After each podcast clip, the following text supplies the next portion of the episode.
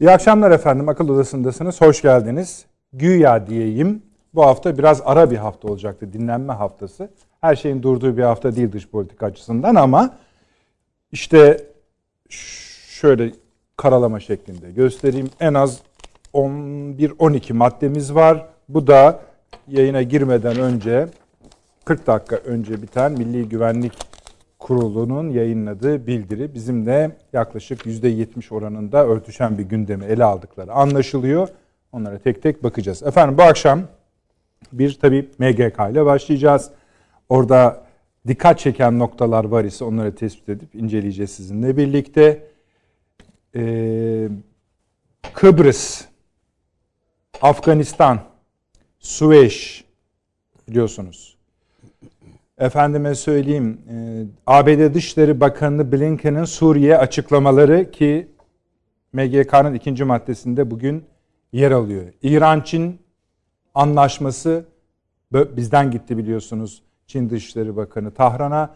Oradan da devam edecek yoluna Birleşik Arap Emirlikleri'ne, Bahreyn'e bir anlaşma imzaladı. Haber olarak gördünüz elbette ama o, o, o kadar tartısı daha fazla çeken Kantar'da bir anlaşmadır. Bölgeye etkilerine bakacağız. 6 ee, Nisan'da bir ara vermiştik. Bir önceki hafta Avrupa Birliği Dışişleri Bakanları toplantısı, Avrupa Birliği Liderler Zirvesi 6 Nisan'da Avrupa Birliği'nin tepesindeki iki yönetici geliyor. Avrupa Konseyi Başkanı'yla Avrupa Komisyonu Başkanı Sayın Cumhurbaşkanımız da dahil görüşmelerde bulunacaklar. Buradan ne çıkara bakacağız. Ermenistan, Ermenistan'dan neden tekrar gündemimizde?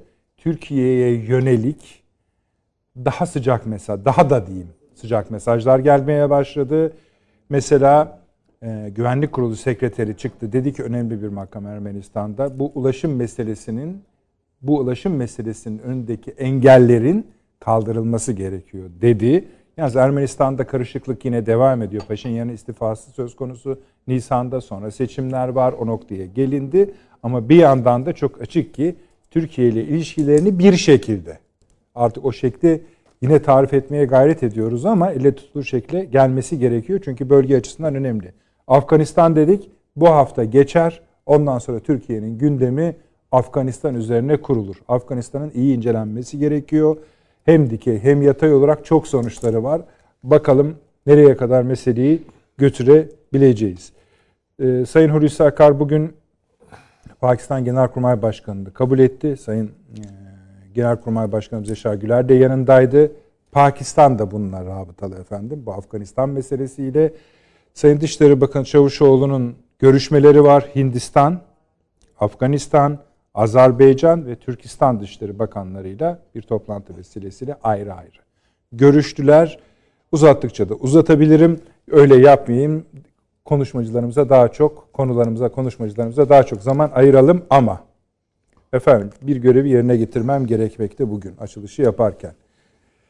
Avni abi hoş geldiniz. Süleyman Hocam hoş geldiniz. Fahri Paşam hoş geldiniz. Fahri Paşam sizle başlayacağız şu sebepten dolayı. Geçtiğimiz hafta Perşembe akşamı seyircilerimizin şahitliğinde ki Taşans hocamız da vardı. Hem Süleyman hocamız hem de Avni Bey sizin arkanızdan konuştular. Bayağı da atıp tuttular. Evet. Konuyu da söyleyeyim, görevimi yapayım. Bakma abi söyleyeceğiz demedik mi? Bugün Üçüncü söyleyeceğiz. Dünya Savaşı hocam. Üçüncü Dünya Savaşı'ndaki görüşlerinizin kısmen eleştirilebilir olduğunu, sizin olmadığınız yerde söylediler. Ben de görevim icabı Süleyman hocam. Valla onda bir adım daha oldu. Çin'le İran ha. anlaştı biliyorsunuz. Bunu ben söylemiyorum. Brzezinski Santraç Tantası isimli kitabında Hı-hı. aynen anlatıyor. Evet. E, 33. sayfa mı 35 mi ne diyor? Amerika için en korkulanan İran, Çin ve Rusya'nın aynı istikamette birleşmesidir diyor. E, Dolayısıyla e, Brzezinski e, Santraç Süleyman tahtasında... Hocam aslında bütününe evet. itiraz etmiyorlar. Yok yok. Yani bir de şöyle bir şey. E, tabii.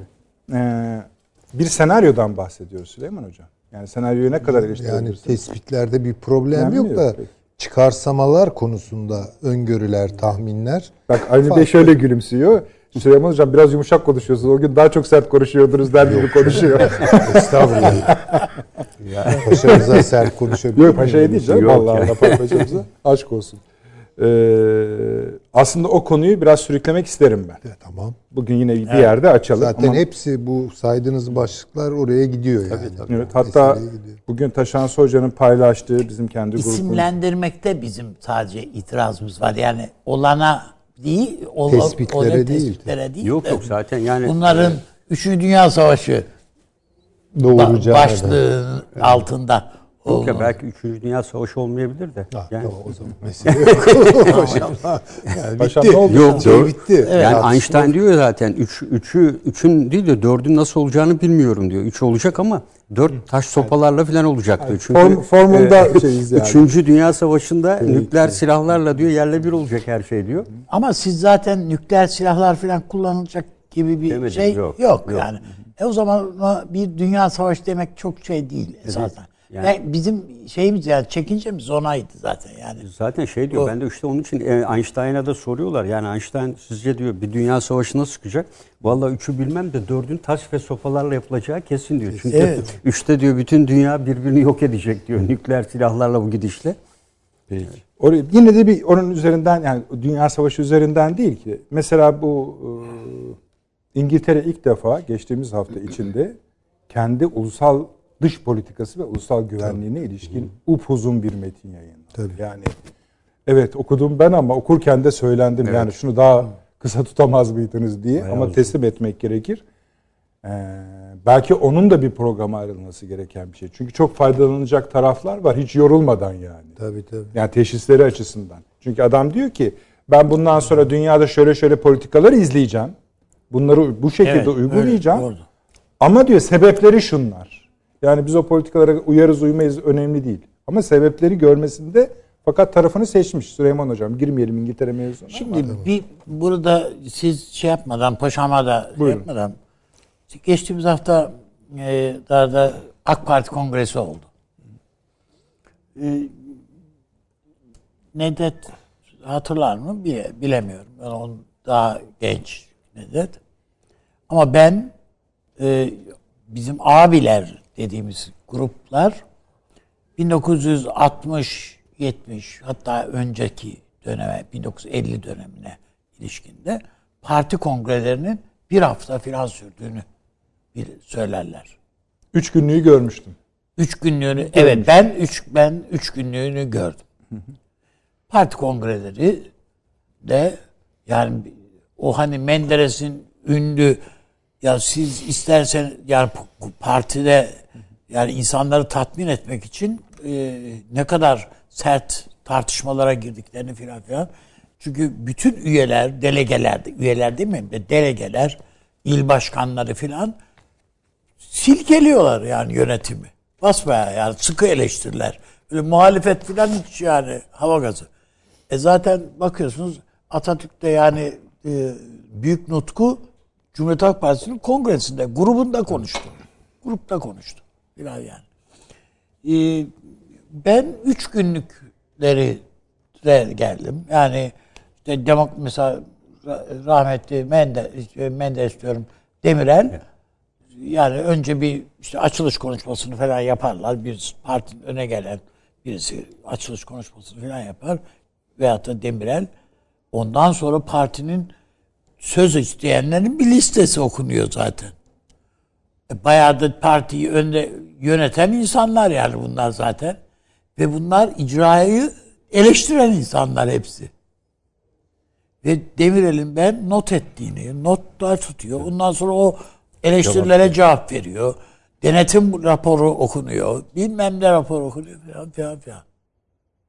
E şimdi öyle değil. Yani bu şimdi AK Parti ile alakalı olarak söyle Diğerleri de bir günde- konu ettim ama AK Parti ile alakalı değil. CHP de böyle, MHP de böyle.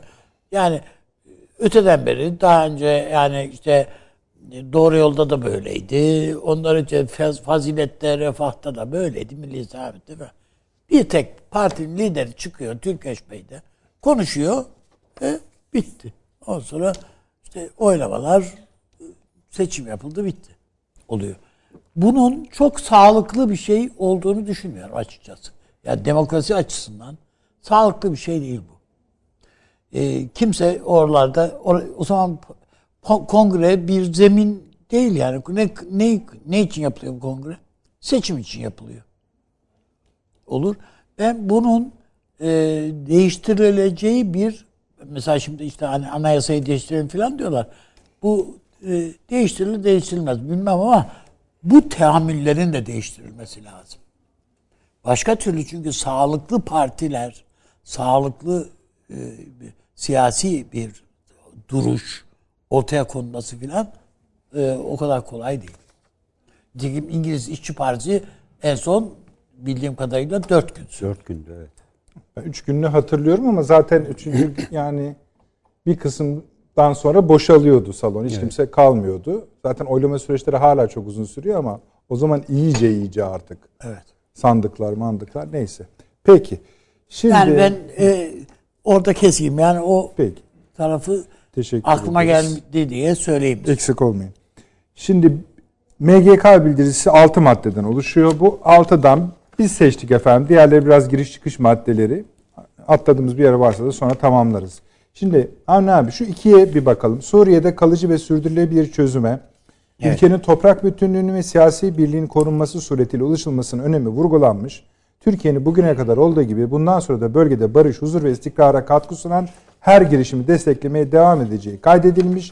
Suriye'deki aktörlere mevcut insani krizi derinleştirecek eylemlere son verme çağrısında bulunulmuştur. Şimdi Evet.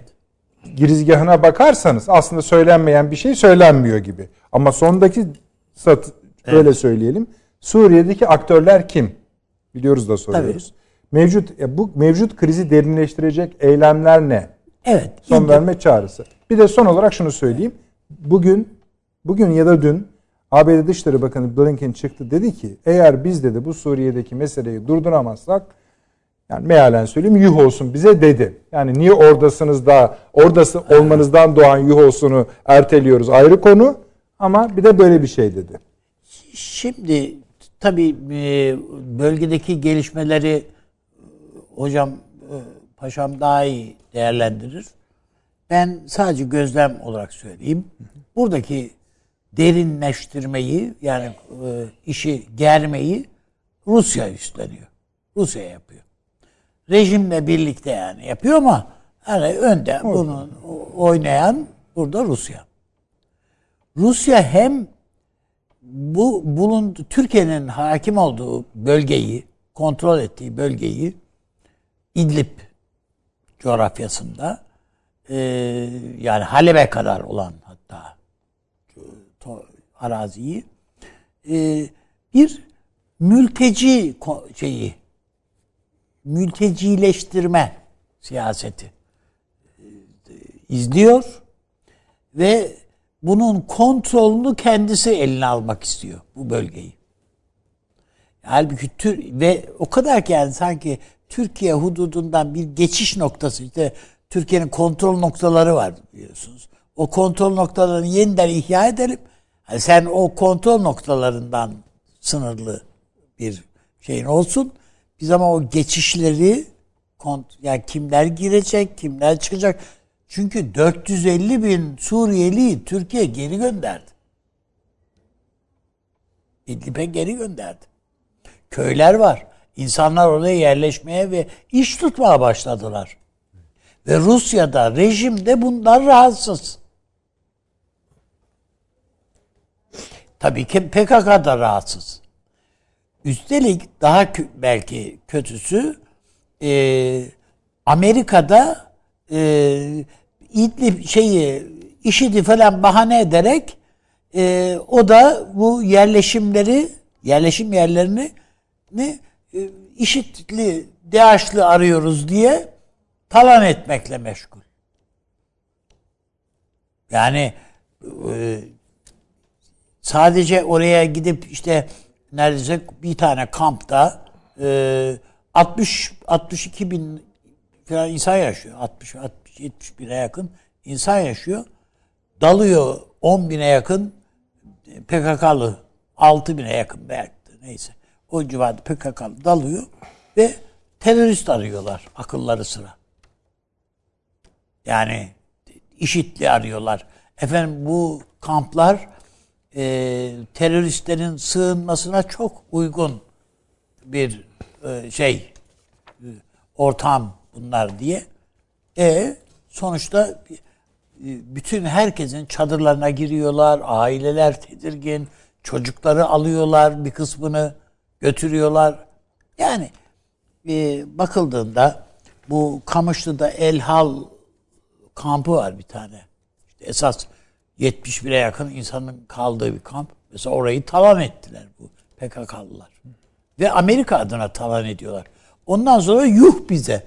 Ne yuh işte bu yaptığınız. İşte buna Çünkü yuh. bunun bunun emrini veren Amerika. Ve zaten açıklama yapıyor yani PKK. Yani Amerikalı dostlarımızın talebi üzerine diyerek. Dolayısıyla Şimdi ben bu yani bu, Dışişleri bu Rusya'nın açıklamasından Suriye'de bir başka faza geçildiğini mi anlayacağız? evet Tamam Öyle. ne, ne Yani nasıl olacak? Bak biz e, Şubat ayından beri Rusya'ya onu ta, paşam da bir şey yapıyordur. Rusya'ya habire ikili görüşmeler yapıyoruz. 18 Şubat'ta mıdır? Ne bir mutabakat belgesi imzaladık. Şunu yapıyoruz, bunu yapıyoruz. Habire. ya bu İdlib'i sahibi şey- şey, bu şey kaşımayın. Kötü gidiyor falan diye. Rusya Türkiye'yi suçluyor. Siz hani o teröristleri ayırtacaktınız e, ılımlı muhaliflerle teröristleri birbirinden ayırt edecektiniz. Bunu taahhüt etmiştiniz bize. Yapamadınız bunu, yapmadınız. Biz efendim yap biz de ne yapalım böyle yapıyoruz filan gibi. Habire olay çıkartıyor. Habire sadece e, yani son 3 ayda filan dünyanın insanı öldü. Geçen sene 30 değil mi? Aşağı yukarı 30 askerimiz şehit oldu. Bunların yüzünden. 30 asker. Yani biz hani e, son gelen şehit sayısıyla hep şeylerimiz hassas şey yapıyoruz ama e, o, tür olayları bir anda e, biz üzerinden bir süre geçince unutuveriyoruz. Halbuki değil. Bunun sorumlusu bunlar, bu Ruslar.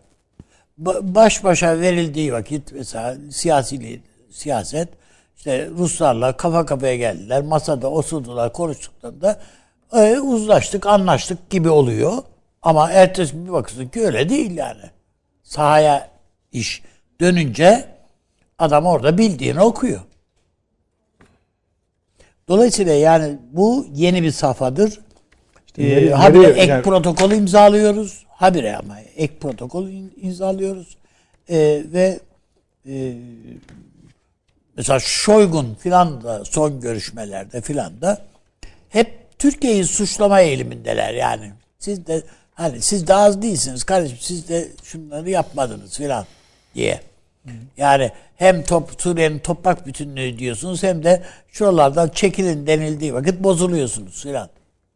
Aa buyur. Yeni çıktı yani bu diyorsun bu sefer.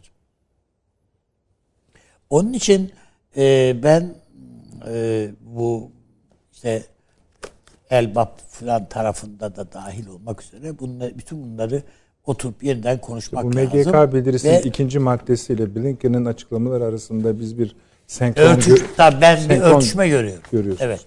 Yani esasında Blink Amerikalılar da kafa olsa bu rahatsız oldukları şeyi Türkiye ile oturur konuşurlar. Ama onlar işe onlar da PKK penceresinden bakıyorlar. Peki. Yani bu e, müttefikleş şey e, mültecileştirme meselesi son derece önemli. İnsanları yerinden yurdun yani bir yer yurt sahibi yapmayalım.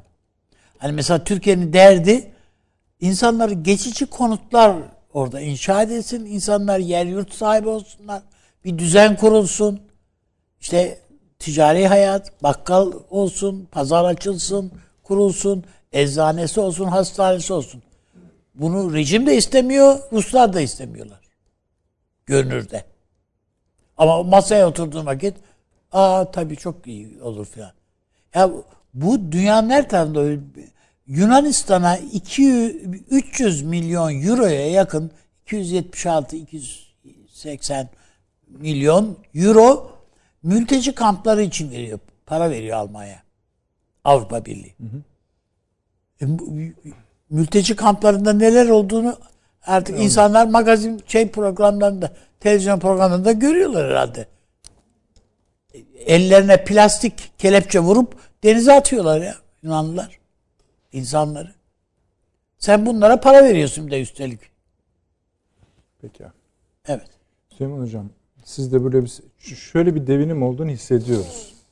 Yani bir Rusya'nın bir sıkıntısının olduğunu son bir, buçuk, bir buçuk aylık dönemde iki terör örgütünün eylemlerinin artışında üç Amerika'nın bu tür konuşmalar yapmaya başlamasında nihayet işte MGK bildirisinin bu hani bunu niye koymuşlar sorusunun cevabının karşılığı olarak arayışımız içinde bir senkron arıyoruz. Siz öyle bir senkron görüyor musunuz Avni Bey gibi? Şimdi ben İdlib'i e, dünyadaki gerilimlerin yansıdığı bir spot, bir nokta olarak görüyorum. İzninizle oradan başlayacağım. Yani İdlib, İdlib'den ibaret bir şey değil. Ama bir laboratuvar gibi mi görüyorsunuz yani öyle? Orada birçok şey yansıyor. Hı hı, anladım. Şimdi şu an dünyada esas gerilim hattı, fay hattı transatlantik dünyada. Yani Avrupa Birliği'ni yeniden Amerika ile bütünleştirme siyaseti o kadar da beklendiği gibi veya işte Biden ve ekibinin beklediği gibi akıcı işlemiyor. Ortada çok ciddi anlaşmazlıklar var. Özellikle Almanya. Bunu daha önceki programlarda konuştuk. Almanya'nın hesabı Doğu tarafıyla yani Rusya ile Amerika arasında bir orta yol bulmak. Fakat bu olmuyor. Çünkü onu kesin bir tercih yapmaya zorluyorlar. Bunu hem Rusya yapıyor, dikkat edelim, hem Amerika Birleşik Devletleri yapıyor. Rusya'da en sonunda en dramatik noktadan koydu açıklamasını. Yani Avrupa ile işimiz biter. ne demek bu ya? Bu çok acayip bir laf. Bu Almanya'ya söylenmiş bir şey. Yani ya işini bitir, kararını ver, ben bileyim seni yani düşmanım mısın dostum. Aynı şeyi Amerika söylüyor. Peki Avrupa ve Avrupa'da göçmen siyasetlerinin en böyle hani ne diyelim yüksek çekim gücü nerede? Almanya'da. Şimdi düşünelim. Yani şimdi İdlib'de bir kaos çıkarsa ne demek bu? Yani Türkiye Türkiye bir 4 milyon insan daha iyi artık yani bu olacak iş değil.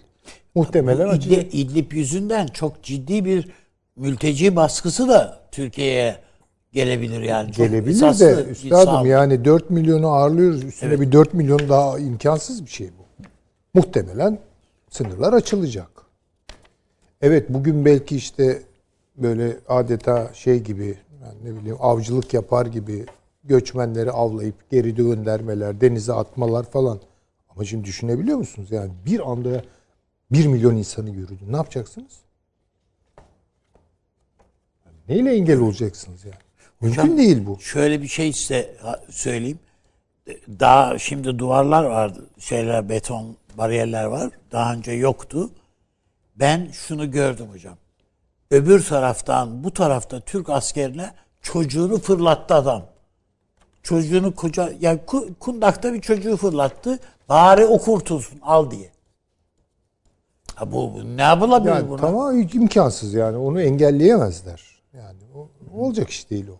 Yani duvar çekersiniz orada öyle bir karmaşık göçmen, yasa dışı göçmen şeyi oluşur ki başa gelemezler bunlar yani. E bu kim bunun faturasını kim ödeyecek? Avrupa ödeyecek. Amerika niye İdlib'i kar- karıştırıyor? Değil mi yani işte orada yok bilmem e, şeye avcılığına çıkıyor. IŞİD IŞİD avcılığına çıkıyor vesaire. Şu an orayı Rusya'da, Amerika'da Almanya'ya karşı. Amerikan hesabı da şu. İdlib öyle bir bölge ki yani İran, Rusya ve Türkiye arasında gelişen ortak zeminleri de çok bozabilecek. Oradaki dengeleri de çok bozabilecek bir şey. Amerika'nın bir de böyle bir yatırımı var orada. Bir hesabı var. Yani istikrar, bütün bir bölgeyi Türkiye, İran ve Rusya ilişkilerini istikrarsızlaştıracak olan bir etkiye sahip. Yani bu, bu işe mutlaka İsrail de belli açılardan katılıyordur. Libya'da belli açılardan hatta Fransa bile göz yumuyordur. Belli açılardan. Ama çünkü eğer söz konusu olan Afrika üzerinden gelen göçmen akımı olsa Fransa daha çok konuşacaktı. Ama pek konuşmuyor bu konularda. Daha çok kaygılar Almanya'da birikmiş vaziyette. Yani İdlib Almanya'ya dönük bir çok önemli gözdağı veren bir etkiye sahip. Türkiye'de bu sorundan nasibini alır. Herkes alır ayrı bir şey. Ama Rusya'ya bir şey olmaz. Rusya nerede çünkü yani sonuçta. Veya işte Amerika Birleşik Devletleri'ne ne olur? Nerede yani Amerika Birleşik Devletleri? Fakat burada birinci derecede tabii ki Türkiye ama ondan daha fazla Almanya ve Avrupa Birliği risk altında. Yani şimdi bu, bu bir kere böyle görüyorum ben. Yani sadece işte Rusya geliyor orayı kışkırtıyor, İran gidiyor kışkırtıyor, rejim şunu yapıyor, bunu geçtik artık oraları. Çünkü Amerika da var artık işin içinde. Ve bu iş Avrupa Amerika hesaplaşmasında, Avrupa Rusya hesaplaşmasında bir nasıl söyleyelim çok önemli bir Turnusol kağıdı mı olacak? Ne? yani turnusol kağıdı değil ama yani cerahat biriktirip Hmm, belki bir şeylerin patlayabileceği bir yer olarak ben değerlendiriyorum. Benim Hayır bunu çözemezsek diyor Amerika ya. Yani na- nasıl yani? Ne yapmayı düşünüyorlar? Bunu bilmiyor. Biliyor muyuz? Yani Amerika'nın adam diyor ki çok üzülürüm. ya işte tabii Diyor canım. Yani ne başka olacak ben elimden şey geleni yaptım Ha, sen siz şey diyorsun. Yani bu- çözme konusuna odaklanmayın, Hayır üzülmeye efendim, bakın. Yani evet. çözmeye dönük şeyler değil zaten. Çözüm böyle olmaz ki. E, Bunu düşünen, çözmeyi düşünen adam yuh bize der mi ya? Ama biz deriz onlara. Paşam. Buyurunuz. Süleyman Hocam tamam değil mi? Benim Ha, tamam, yani. Ee, Şimdi burada e, esas olarak aktörlerin şu ana kadar yürüttükleri ve geleceğe ilişkin yol haritalarının ne ölçüde belirgin olduğuna bakmak lazım. Yani Rusya hedefine ulaşmış durumda e, ve Esed'in kalmasını istiyor. Yani onun kalması e, mevcut olan süreçten daha çok nemalanmasını ve e, henüz daha tahkim edemediği işte Himeym hava üssünü genişletmek, Laski'yi genişletmek ve oraya daha büyük gemilerin, uçak gemileri dahil girebileceği bir büyüklüğe ulaştırmak hedefi var. E, ve dolayısıyla e, Rusya'nın aynı zamanda Lübnan'la artan ilişkileri var. Çünkü e, Lübnan'daki istikrarsızlığın e, en çok Suriye etkisi olacağını biliyor. Bunun temel nedeni de Hizbullah'ın e, önemli bir e, kısmı şu anda Suriye'de. E, ve mevcut olan rejime ve Rusya'ya destek için Rusya-Hizbullah ilişkileri bu süreçte gelişti. Ancak Lübnan'da artan e, bu ilişkiler üzerine bu hafta içerisinde iki ayrı toplantı yapıldı. E, Lübnan'dan heyetler Moskova'ya gittiler, geldiler. Moskova'da büyükelçilerle görüşmeler yapıldı. Ve e, bu konuda Rusya ve İsrail bir işbirliği içinde. Çünkü İsrail'in tekrar Lübnan'a, diğer Suriye'de tecrübe kazanmış unsurlarla geri dönmesi ve Lübnan'daki iç savaşa hakim olması İsrail'in hiç istemeyeceği bir şey. Ve şu andaki Lübnan'daki iç savaşta e, sanki Hizbullah'ın tekrar geri dönmesi için e, önemli bir takım altyapı oluşturuyor. E, Rusya e, Hizbullah'ın dönmesini istemiyor. Çünkü Hizbullah'ı adeta bir kara unsuru gibi kullanıyor rejimle birlikte. İsrail de dönmesini istemiyor. E, ancak e, aynı zamanda Suriye'den Hizbullah'ın dönmesi demek Suriye'deki dengelerin de değişmesi demektir. Şu anda e, önemli odak noktalarından birinde Lübnan oluşturuyor. E, diğer taraftan belirttiğim gibi yani Rusya'nın e, şu anda bir yol haritası net değil Suriye ile ilişkin. E, mevcut olan statikonun devam etmesini istiyor. Dediğim gibi mevcut rejim olabildiği kadarıyla devam etsin.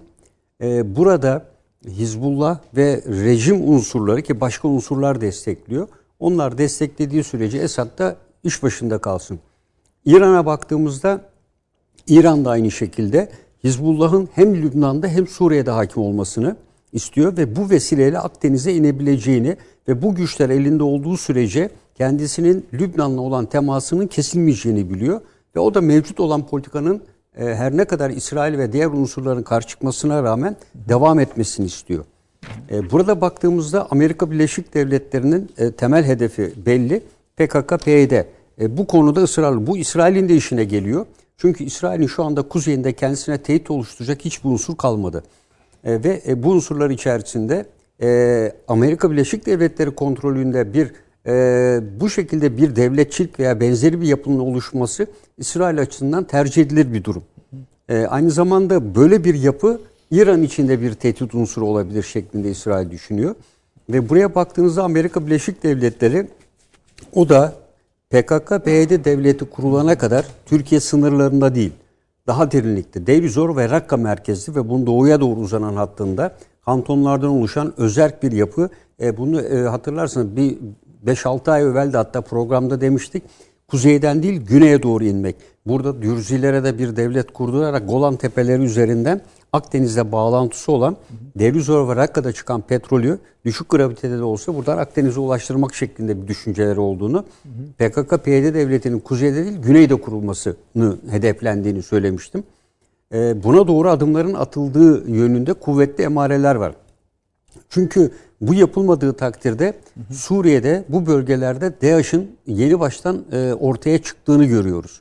E, bu açıdan bakıldığında Amerika Birleşik Devletleri'nin temel amacı mevcut statikonun devamı bu süreç içinde olabildiği kadar PKK-PYD ile ilişkin anayasal görüşmelerde rejimi de ikna ederek bir e, yapı oluşturmak, bu yapıyı İran kuzeyindeki e, mevcut olan yönetimle birleştirmek. İşte bütün çabası bu.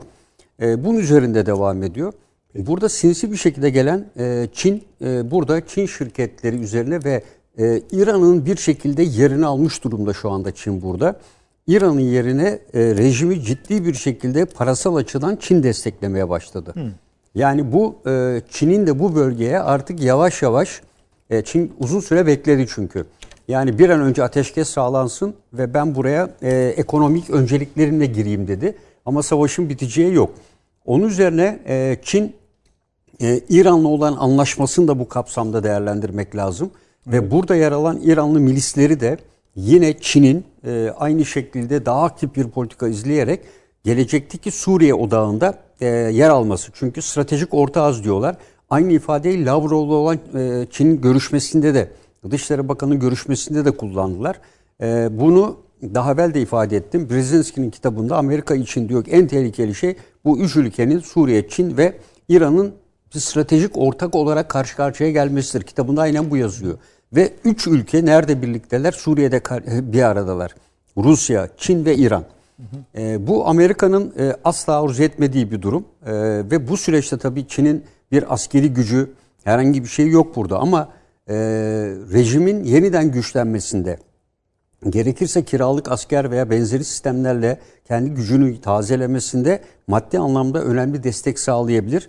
Ve e, Çin'in Akdeniz'de liman elde etme e, hususunu dikkate aldığımızda Laskiye'den sonra ikinci bir liman e, Suriye'de almak suretiyle veya kiralayarak, yaparak, Paşam, iman ederek... Benim anladığım şu ana kadar konuşmalardan Suriye'de yeni bir şey yok. Yok. Hayır yeni çok önemli bir şey var diyor Evet. ama. Çin'i söylüyorsunuz. Tabii, Tabii, tamam, tabii. ayrı bir. Yani Hayır, o- benim tabii. kastım Çin'in çözümünü şey aman Suriye'deki 10 yıldır süren rezilliğin sona ermesi Aa, yönünde. yok yok canım onu Yok, zaten onda bir şey yok. Zaten o. E, ama burada bakın yani İran-Çin arasındaki anlaşma biliyorsunuz bir Onu yıldır şöyle yapalım buzdolabındaydı. Suriye Çin'e eklediniz şimdi. İran Evet. Çin artı Afganistan çizgisi Evet, üzerinden konuşalım yani- programın ilerleyen Ama yerinde. şöyle bir şey mesela hocama paşama onu ben sormayı isterim. Yani Çin evet yani elinde çok büyük para veya da imkan var ve bir oyuncu olarak bölgeye gelmek istiyor, geliyor, gelmek istiyor filan. Bir takım anlaşmalar yapıyor. Mesela Yunanistan'a gitti. Çok büyük para da verdiler. Ama o liman neyi değiştiriyor? Pire Limanı mı? Pire limanı Pire Liman hiçbir şey değiştirmiyor. aktif hale gelmedi, gelmedi Hayır, de Demir yollarının Ama- yapımını bekliyorlar. Anladım da yani bu Amerika'nın oradaki pozisyon alışını da göz önüne aldığınızda neyi oynaya ne oynayabilir Rus Çin ki? Ama bakın e, Yani İsrail'de Ru- e, Hayfa Çin'de Limanı'nı öyle çok uzun vadeli Evet. bir şey perspektifi stratejik bir perspektif yok hocam.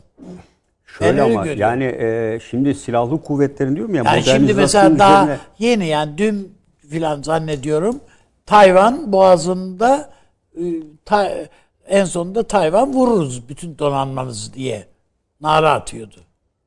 yani tabii o e, şimdi e, silahlı kuvvetlerin Tayvan da arkasında Amerika'ya güvenerek nara atıyor tabii. Çin'in askeri sivil veya e, resmi kıyafetli askerini e, Şam'da göremezsiniz.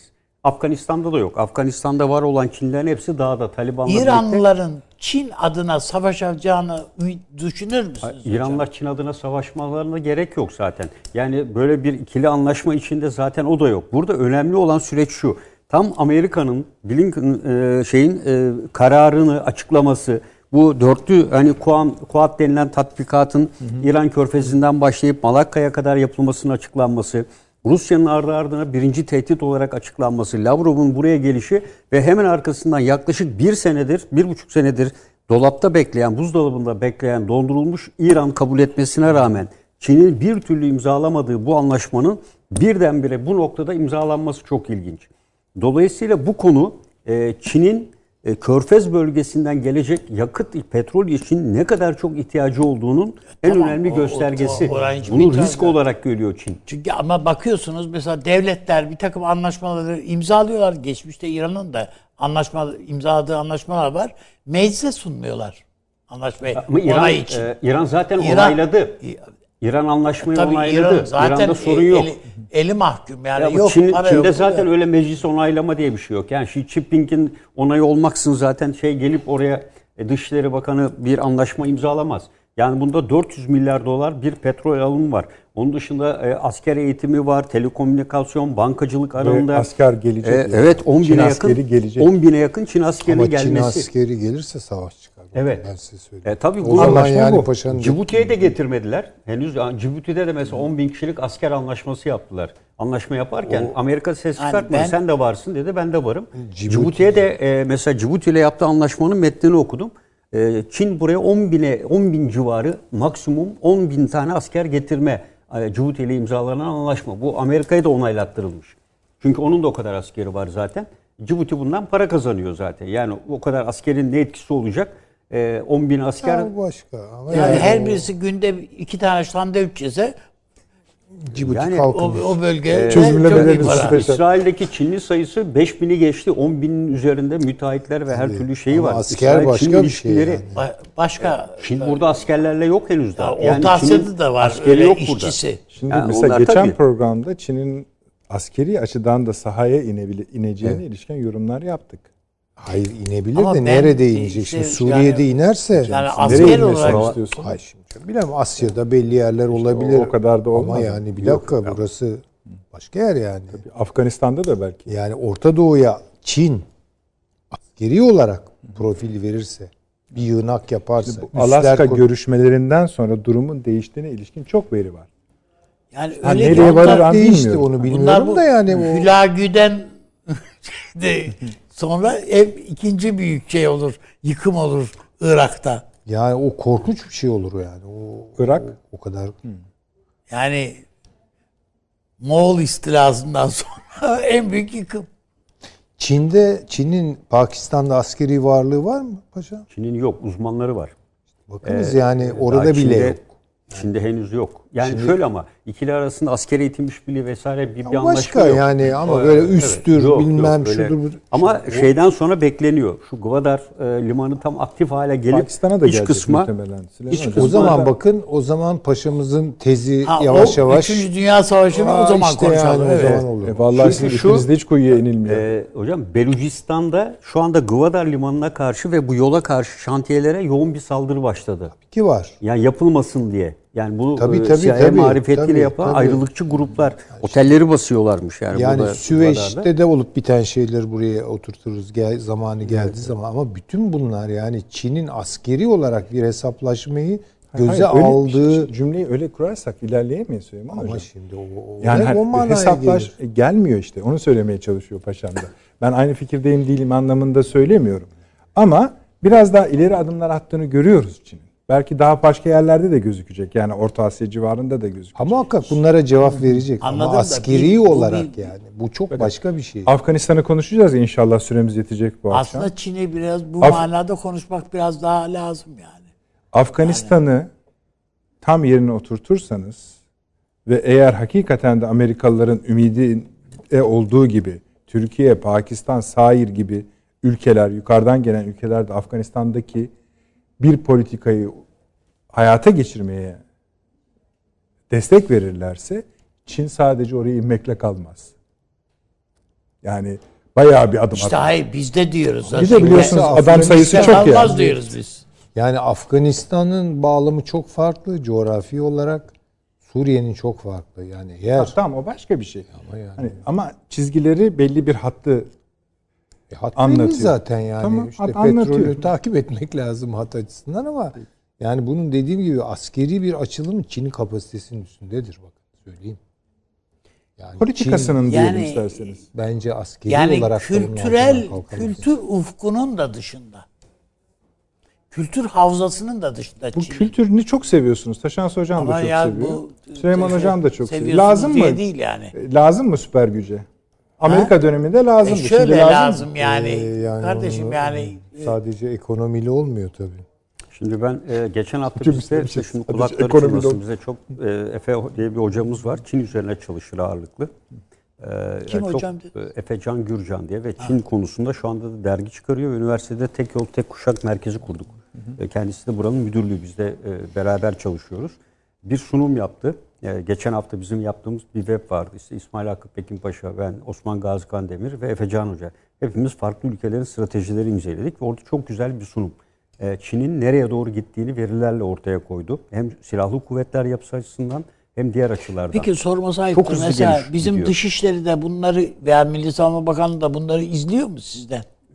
Yani e, zannetmiyorum. Hayır manasına mı alayım bunu? evet yani biraz e, biz yakın coğrafyamızda çok şeyiz yani ondan sanırım e, yani böyle Çin vesaire gibi şeylerle diyaloglar e, Çin Büyükelçiliğinin at, askeri ateşinin vereceği bilgilerle yani açık kaynak bilgileri üzerinden değerlendirmelerin yapıldığını ben düşünüyorum. E, çünkü e, Çin'in politikası çok yönlü. Yani o işte sunumu önümüzdeki hafta getirip inşallah burada Efe Hoca'dan da izin alarak e, gösterebilirsek yani o sunumda o sunuma baktığınız anda bu e, çünkü en son veriler hep e, kendisi sağ olsun Çin'le yakın ilişkisi var. Toplanılan e, en son gelişmeler ve verileri ortaya koyuyor. Baktığınız zaman Çin'de inanılmaz bir potansiyel olduğunu Muhakkak. göreceğiz. Ama Ya bunlar hayata zaten. geçiyor. Aşama aşama geçiyor. Çin zaten Ama- ben bugün müdahale edeceğim demiyor. Şunu söyleyebiliyor muyuz? Yani eğer bu tırman, bunlar tırmanma anlamına gelir. Yani Amerika'nın bütün restleri ki yapıyor, sıkıştırıyor, boğuyor falan bunları görüyoruz.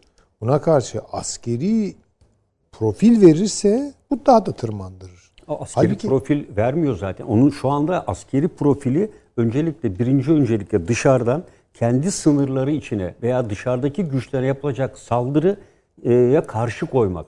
E, Temel mantığı bu. Ama şimdi bakınız şunu söylediniz paşam da benim kafam orada karışıyor. Eğer Suriye denklemine girerse Çin Ama sivil olarak girdi. Asker yok şu anda. ama bir dediniz Asker kaynak aktaracak dediniz. Kaynak aktarıyor. İşte tabii ki. İşte orada pro bu üç gün sonra açığa çıkar. değil. çıktı zaten. Yani bunu Amerikalılar da kabul bu ediyor. Türkiye-Çin ilişkilerini bozar. Yok Çin ilişkisini bozduğu zaman o zaman Uygur Türkleri ve diğerleri devreye girer. Şu anda E, tamam Türkiye'den işte yani Uygur Türk'ü adına bir tane herhangi bir ifade kimse bulunmuyor. Uygur Türklerine ulaşan burada bakın bir rapor Ama biz göstereyim biz size. biz Yani Doğu biz Türkistan- köprüde Ee, Doğu Türkistan toplama kaplarındaki mezalim yazıyor. Evet tamam doğru. Kimse ses çıkartmıyor. Ya Doğu Şimdi Türkistan paşam konusuna. şu anladım ben sizin söylediğinizi.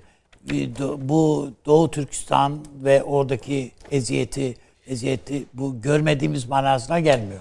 Yani görmek eğlenceli olur ama yani biz- evet. biz- bizde ses çıkarmayışın bir sebe şeyi de şu.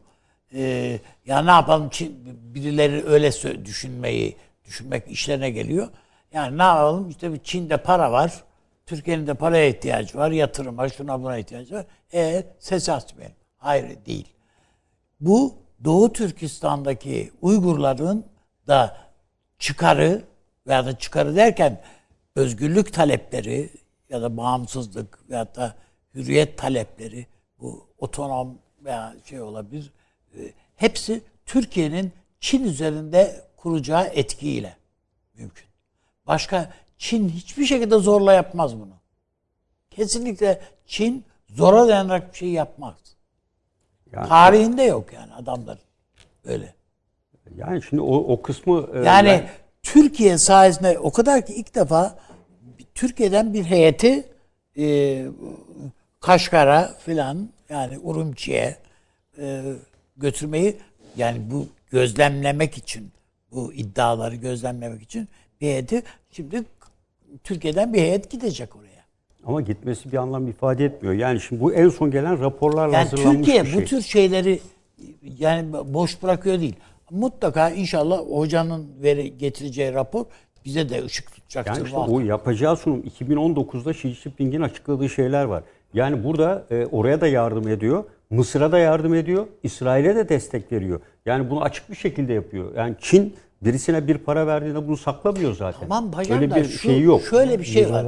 Siz Hizbullah'a mesela? Amerika 150 tane size Çin, e, Suriye'de şirket ismi sıralayabilirim. Şu anda açık olan ama doğrudur. Hizbullah'a Doğrudur verirse bu parayı durum değişir. Hizbullah verecek demedim ki zaten ben. Ben Hayır, rejime verildiğini söylüyorum. Veya PKK'ya verilecekse. Yok, Yok, Şam'a dedi ben. ya. Şam, Şam'a dedi. Ben Şam'a dedim. Ha ben şey ben Hizbullah'a verecek. Hayır Ha, ben yok, baştan beri Şam'a diyorum zaten. mesela şöyle bir şey söylüyorum. Yani Rus Amerika dediğiniz biraz CIA, biraz Madonna, biraz Hollywood.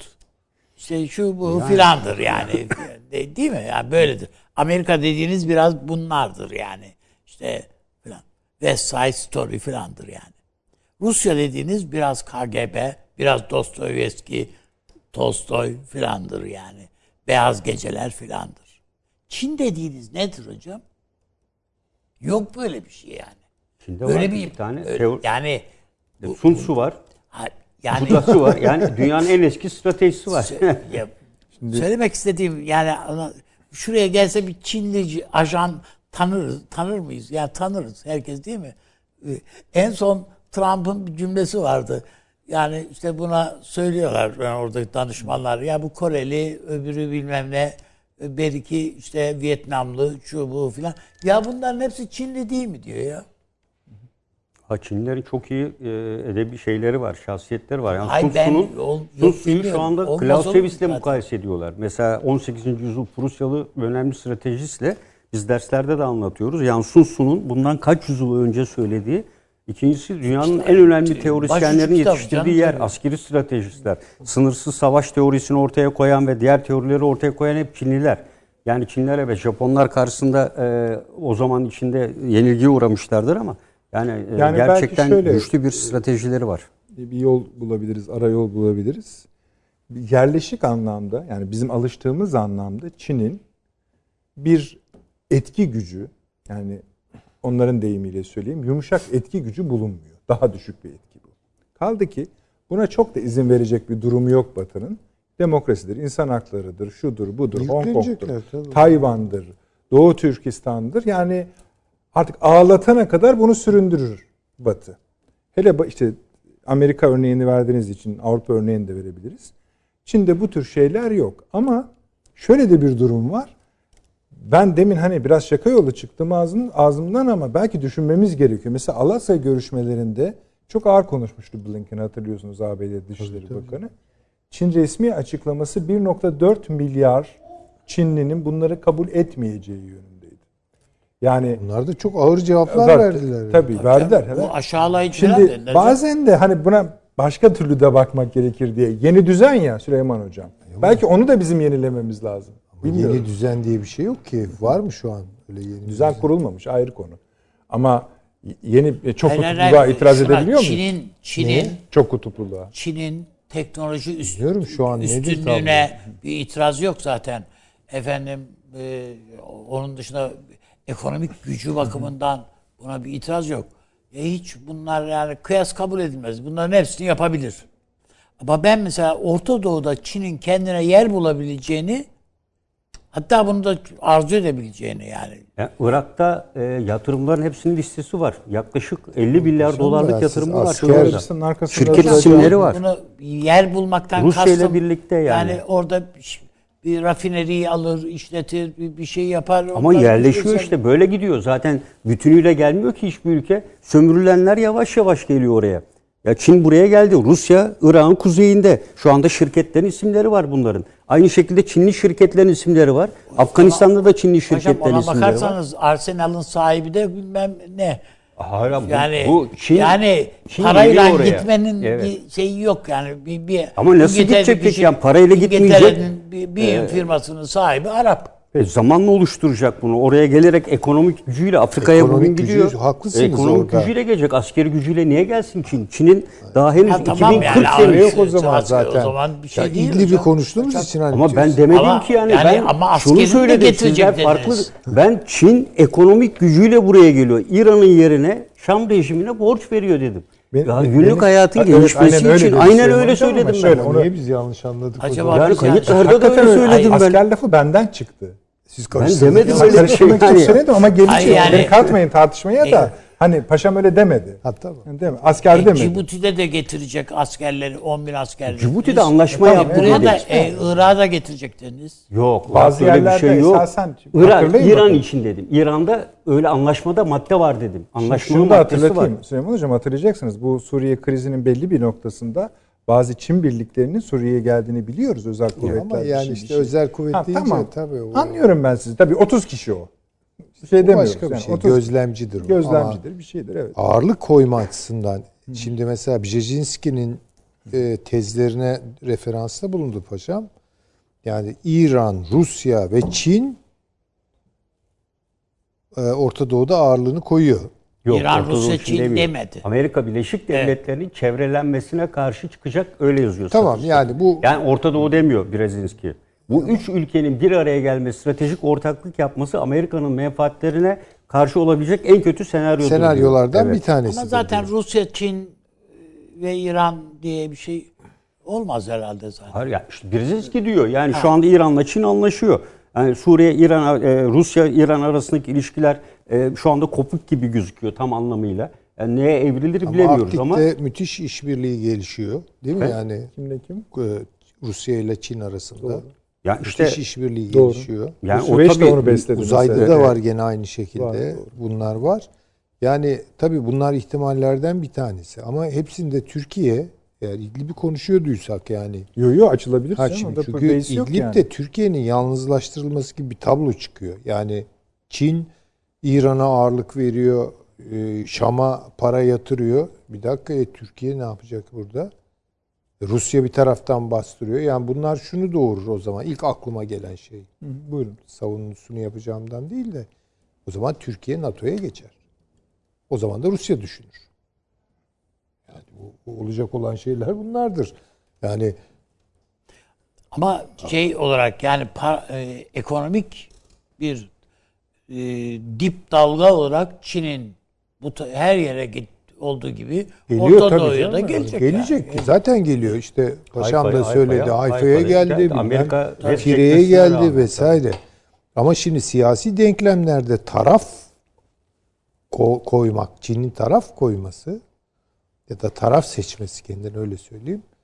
Bu çok şeydir. Hele hele bunun tabii ben onu yanlış anlamışım. Askeri olması. boyut falan. Oo, işleyecek bazı coğrafyalar, Suriye onlardan biri mi doğrusu bilmiyorum. Düşünmek lazım. Ama bazı coğrafyalar Çin'in askeri gü- güç gücünü mesela Rus yani Gürcistan Rusya için neyse bazı coğrafyalar Çin için ona denk gelir. Mesela, Mesela? Afganistan. Konuşalım. o da o da kolay değil o Değil. kadar. İşte ben konuşalım. Yani Afganistan kimseye yar olmuyor kolay kolay yani. Hayır. Öyle Ha, o Afganistan'ın kendi özelliğinden. Tabii ki. Kendi özelliğinden. E, tabii, Ona tabii. bir şey diyemem. Ben sadece oyundaki yeri açısından söylüyorum. Bu kadar önemlidir Çin açısından. Orta Doğu'dan söz ettik çünkü. Yani e, tarihte bir defa o Moğol dalgası geldi buraya, bu coğrafyaya. O da e, yani ortalıkta hiçbir şey bırakmadı. taş üstünde taş kalmadı, ot bitmedi yani. Uzun Ot yıllar. bitmiyor. Bastığı yerde ot bitmedi. Peki. Böylece şeyi kaynatmaya çalıştınız ama ona izin vermeyeyim ben. Üçüncü Dünya Savaşı'nda. Yo yo zaten devam ediyor maşallah akıl odasında. Ha, Üçüncü ama şurasına katılıyorum paşamın. Bu bu baskı çünkü düdüklü tencere gibi bu basınç bir savaşı patlatabilir. Mümkün ama yani, o patladı. Yani savaş dediğin zaten nedir? Yani Birinci Dünya Savaşı dediğin işte Avusturya prensinin e, ö- suikastıyla patlamış gitmiş. yani. İkinci Dünya Savaşı dediğin bö- böyle gidiyor. bardağı yani. taşıran damla, bir damla küçücük bir olabilir yerden ama geliyor yani. Peki bir reklama gidelim. Sonra asıl konularımıza geçelim bence. Peki. Gerçi bunlar da asıl konular. Hatta asal konularda öyle söyleyelim. Bunlardan bağımsız düşünemeyiz. Hemen geliyoruz efendim. Ay. Evet efendim. Döndük. Akıl odası devam ediyor. Devam ediyor derken arada zaten 3. Dünya Savaşı devam etti burada. Ee, şöyle yapalım. Hmm, iki konuyu birleştirerek konuşmak arzusundayım. Yani fikren değil ama hani paralel gitsin için. Birisi bu İran-Çin anlaşmasının üzerine biraz daha gidelim. Gerçekten ne kadar önemli olduğuna ilişkin bir fikir edinmek isterim. Eminim izleyicilerimiz öyledir. İkincisi de Süveyş kanalında yaşanan şeyin tam ne olduğu konusunda bir mutabakat sağlayabilirsek bu akşam. Çünkü kaza deyip de içinden çıkabiliriz. E, öyle olsun, kaza olsun ama dünyanın can damarlarının %15'ini 20'sini elinde tutan tedarik zinciri bu kadar kolay demek ki kesilebiliyormuş. Evet. Onu anladık. Kaldı ki Evet. hani sıradan bir %20 değil. Yani bütün dünyadaki kimileri ülkelerden daha zengin sigorta şirketlerinin uluslararası sigorta şirketlerinin dahi ağladığını gördük. Tabii iflas. Paniğe kapıldı adamlar yani. Ne ödemeleri mümkün. Hani ödeyecek gücü olsa arkasını göremedi adam. Hani 400 gemi tamam ödeyelim ama sonrası. Çünkü 401 olduğu zaman batıyorsunuz. Sigorta paraları gelirken çok rahattılar ama değil Ama mi tabii yani? hep öyledir o işler. Ee, Mısır'ın ne demek olduğunu Konuşalım. bu bağlamda konuşalım. İsrail'in bir de alternatif yollar. Türkiye çıktı dedi ki tamam güzel Süveyş önemlidir. Ama gördük ki başka yollara lazımdır. Bu yollara bir tane teklifimiz var. O da orta yoldur. Orta yoldan kasıt Çin'den İngiltere'ye giden ve Kafkas Hazar Havzası'ndan Türkiye'ye bağlanıp oradan devam eden Orta kuşak. yolu. Orta kuşak yok. Orta yol ifadesi kullanıldığı için tırnak içinde söyledim. Mesela e, Ruslarla Çinler hemen şeyi işaret etmeye başladılar bu tartışmada. Arktik hat üstü. Kuzeyden giden kuzbatını. Esasen orası zaten ciddi bir zamanda yani eğer Aslında şu anda şu anda bile faal Çalış- yani doğru, çalışıyor. Doğru. Şimdi birisi bize bunu mu göstermek istedi? Oradan başlayalım isterseniz. Ve niye yani şimdiye ne lazım? Bir de bu olay olduktan kısa bir gün sonra biliyorsunuz bir tren kazası yaşandı e, Mısır'da. O 32'de kaldı galiba. Allah rahmet eylesin. Hayatını kaybeden insanlara. Bir de bununla da birleştirildik. Acaba ne oluyor? Konuşmaları yapıldı. Ee, hadi paşamdan başlayalım bu sefer izin verirseniz. Yani bu e, e, tabii bunu bakınca dikkate e, Kırım sıra işgali sırasında e, biliyorsunuz e, Rusya'da benzeri bir şeyi bir gemiyi Kırım oradaki e, Azak Denizi girişine koyarak e, benzeri olayı yapmıştı biliyorsunuz. Ukrayna'nın e, içeri girişini engelleyecek şekilde. Dolayısıyla bu tür e, geçmişte de tarih sürece baktığımızda da bu tür kritik e, deniz geçiş noktalarının benzeri yöntemlerle sadece mayınlarla değil bu tür gemi veya hurda gemilerin konularak e, trafiğin aksatılması söz konusu olabilir. Yani burada da e, konu olunca dediğim gibi yani Kızıldeniz raporu e, bu rapora baktığımızda e, zaten burada Amerika Birleşik Devletleri, yine Çin, Suudi Arabistan, İsrail, Akabe Körfezi üzerinden, Sudan, e, Birleşik Arap Emirlikleri de dahil birçok ülke e, burada yoğun bir şekilde mücadele içinde. Çin Afrika içine giriş için ve trafiği e, Çin için esasında Kızıldeniz trafiğinin şu anda e, önemi ikinci plana yavaş yavaş atılıyor. E, burada bizim e, Sayın Ulaştırma Bakanı da söylediği bir ifade var. Süveyş kanalına alternatif en uygun e, taşıma rotası orta koridor dedi. Yani bu e, dün bugünkü yaptığı açıklamayla. Şimdi dolayısıyla burada ki ben de bu konuda bir çalışma yaptığımı söylemiştim size. Deniz hatta tartışmıştık gene ve demir yolunun daha uygun çıktığını, Süveyş kanalının bu tür risklerle tıkanma tehlikesinin olduğundan bahsetmiştim. İşte bunu bir kez daha gördük ve devletler Şey ne halde acaba bu Süveyş kanalını genişletme? Yaptılar onu. Hayır yani. 120 Ama yetmiyor herhalde değil mi? Yetmedi Yani? ama bu gemi ya. olağanüstü Kapat- bir gemi. Hayır hayır o daha bitmedi canım. O. Belki bir sınırlama Ha, getirebilirler gemi yani gemilerin büyüklüklerine falan. Çünkü bu tür riskler her zaman var. Yani takılan gemi az buz gemi değil. Tabii tabii yani e, çok ciddi büyüklükte bir gemi. E şimdi böyle basit bir şeyle e, dünya o yüzden Çin gibi ülkeler petrole bağımlı olan ülkeler. Uydudan çekilen görüntüleri yanından çekilen fotoğraflardan daha Ta- netti. Tabii tabii. Yani e, bu sıradan bir şey değil. O yüzden de ben bu e, Kızıldeniz raporu var. Çok kapsamlı hazırlanmış. Yani Kızıldeniz'de e, iki tane kritik var. Yani dünyanın diyor ki yedi önemli petrol geçiş noktalarından biri. Malakka'da var tabii. E, ikisi burada. Biri Cibuti. Yani Cibuti tam e, uç kısmında 27 kilometre genişlikte en dar yeri. En üstte Süveyş kanalı. E, toplam 2000 kilometre yani e, Akdeniz'den girişten Cibuti'den çıkışa kadar olan süre içinde. Ya burada e, İngiltere yok gibi gözüküyor ama Cibuti'de üssü var. E, Japonya'nın aynı şekilde bu bölgelerde aşağıda barış gücü harekatı adı altında bir takım yap- yapılanması var ki Japonya e, bu da simgesel olarak yer alıyor. Şu anda aktif olan burada 6 tane ülke var. Suudi Arabistan e, biliyorsunuz boru hattını Kızıldeniz üzerinden Evet, evet. gönderme Doğru. çabası var. İsrail Akabe Körfezi üzerinden Etopya ile 1950 yıllardan beri devam eden bir e, ilişkisi var.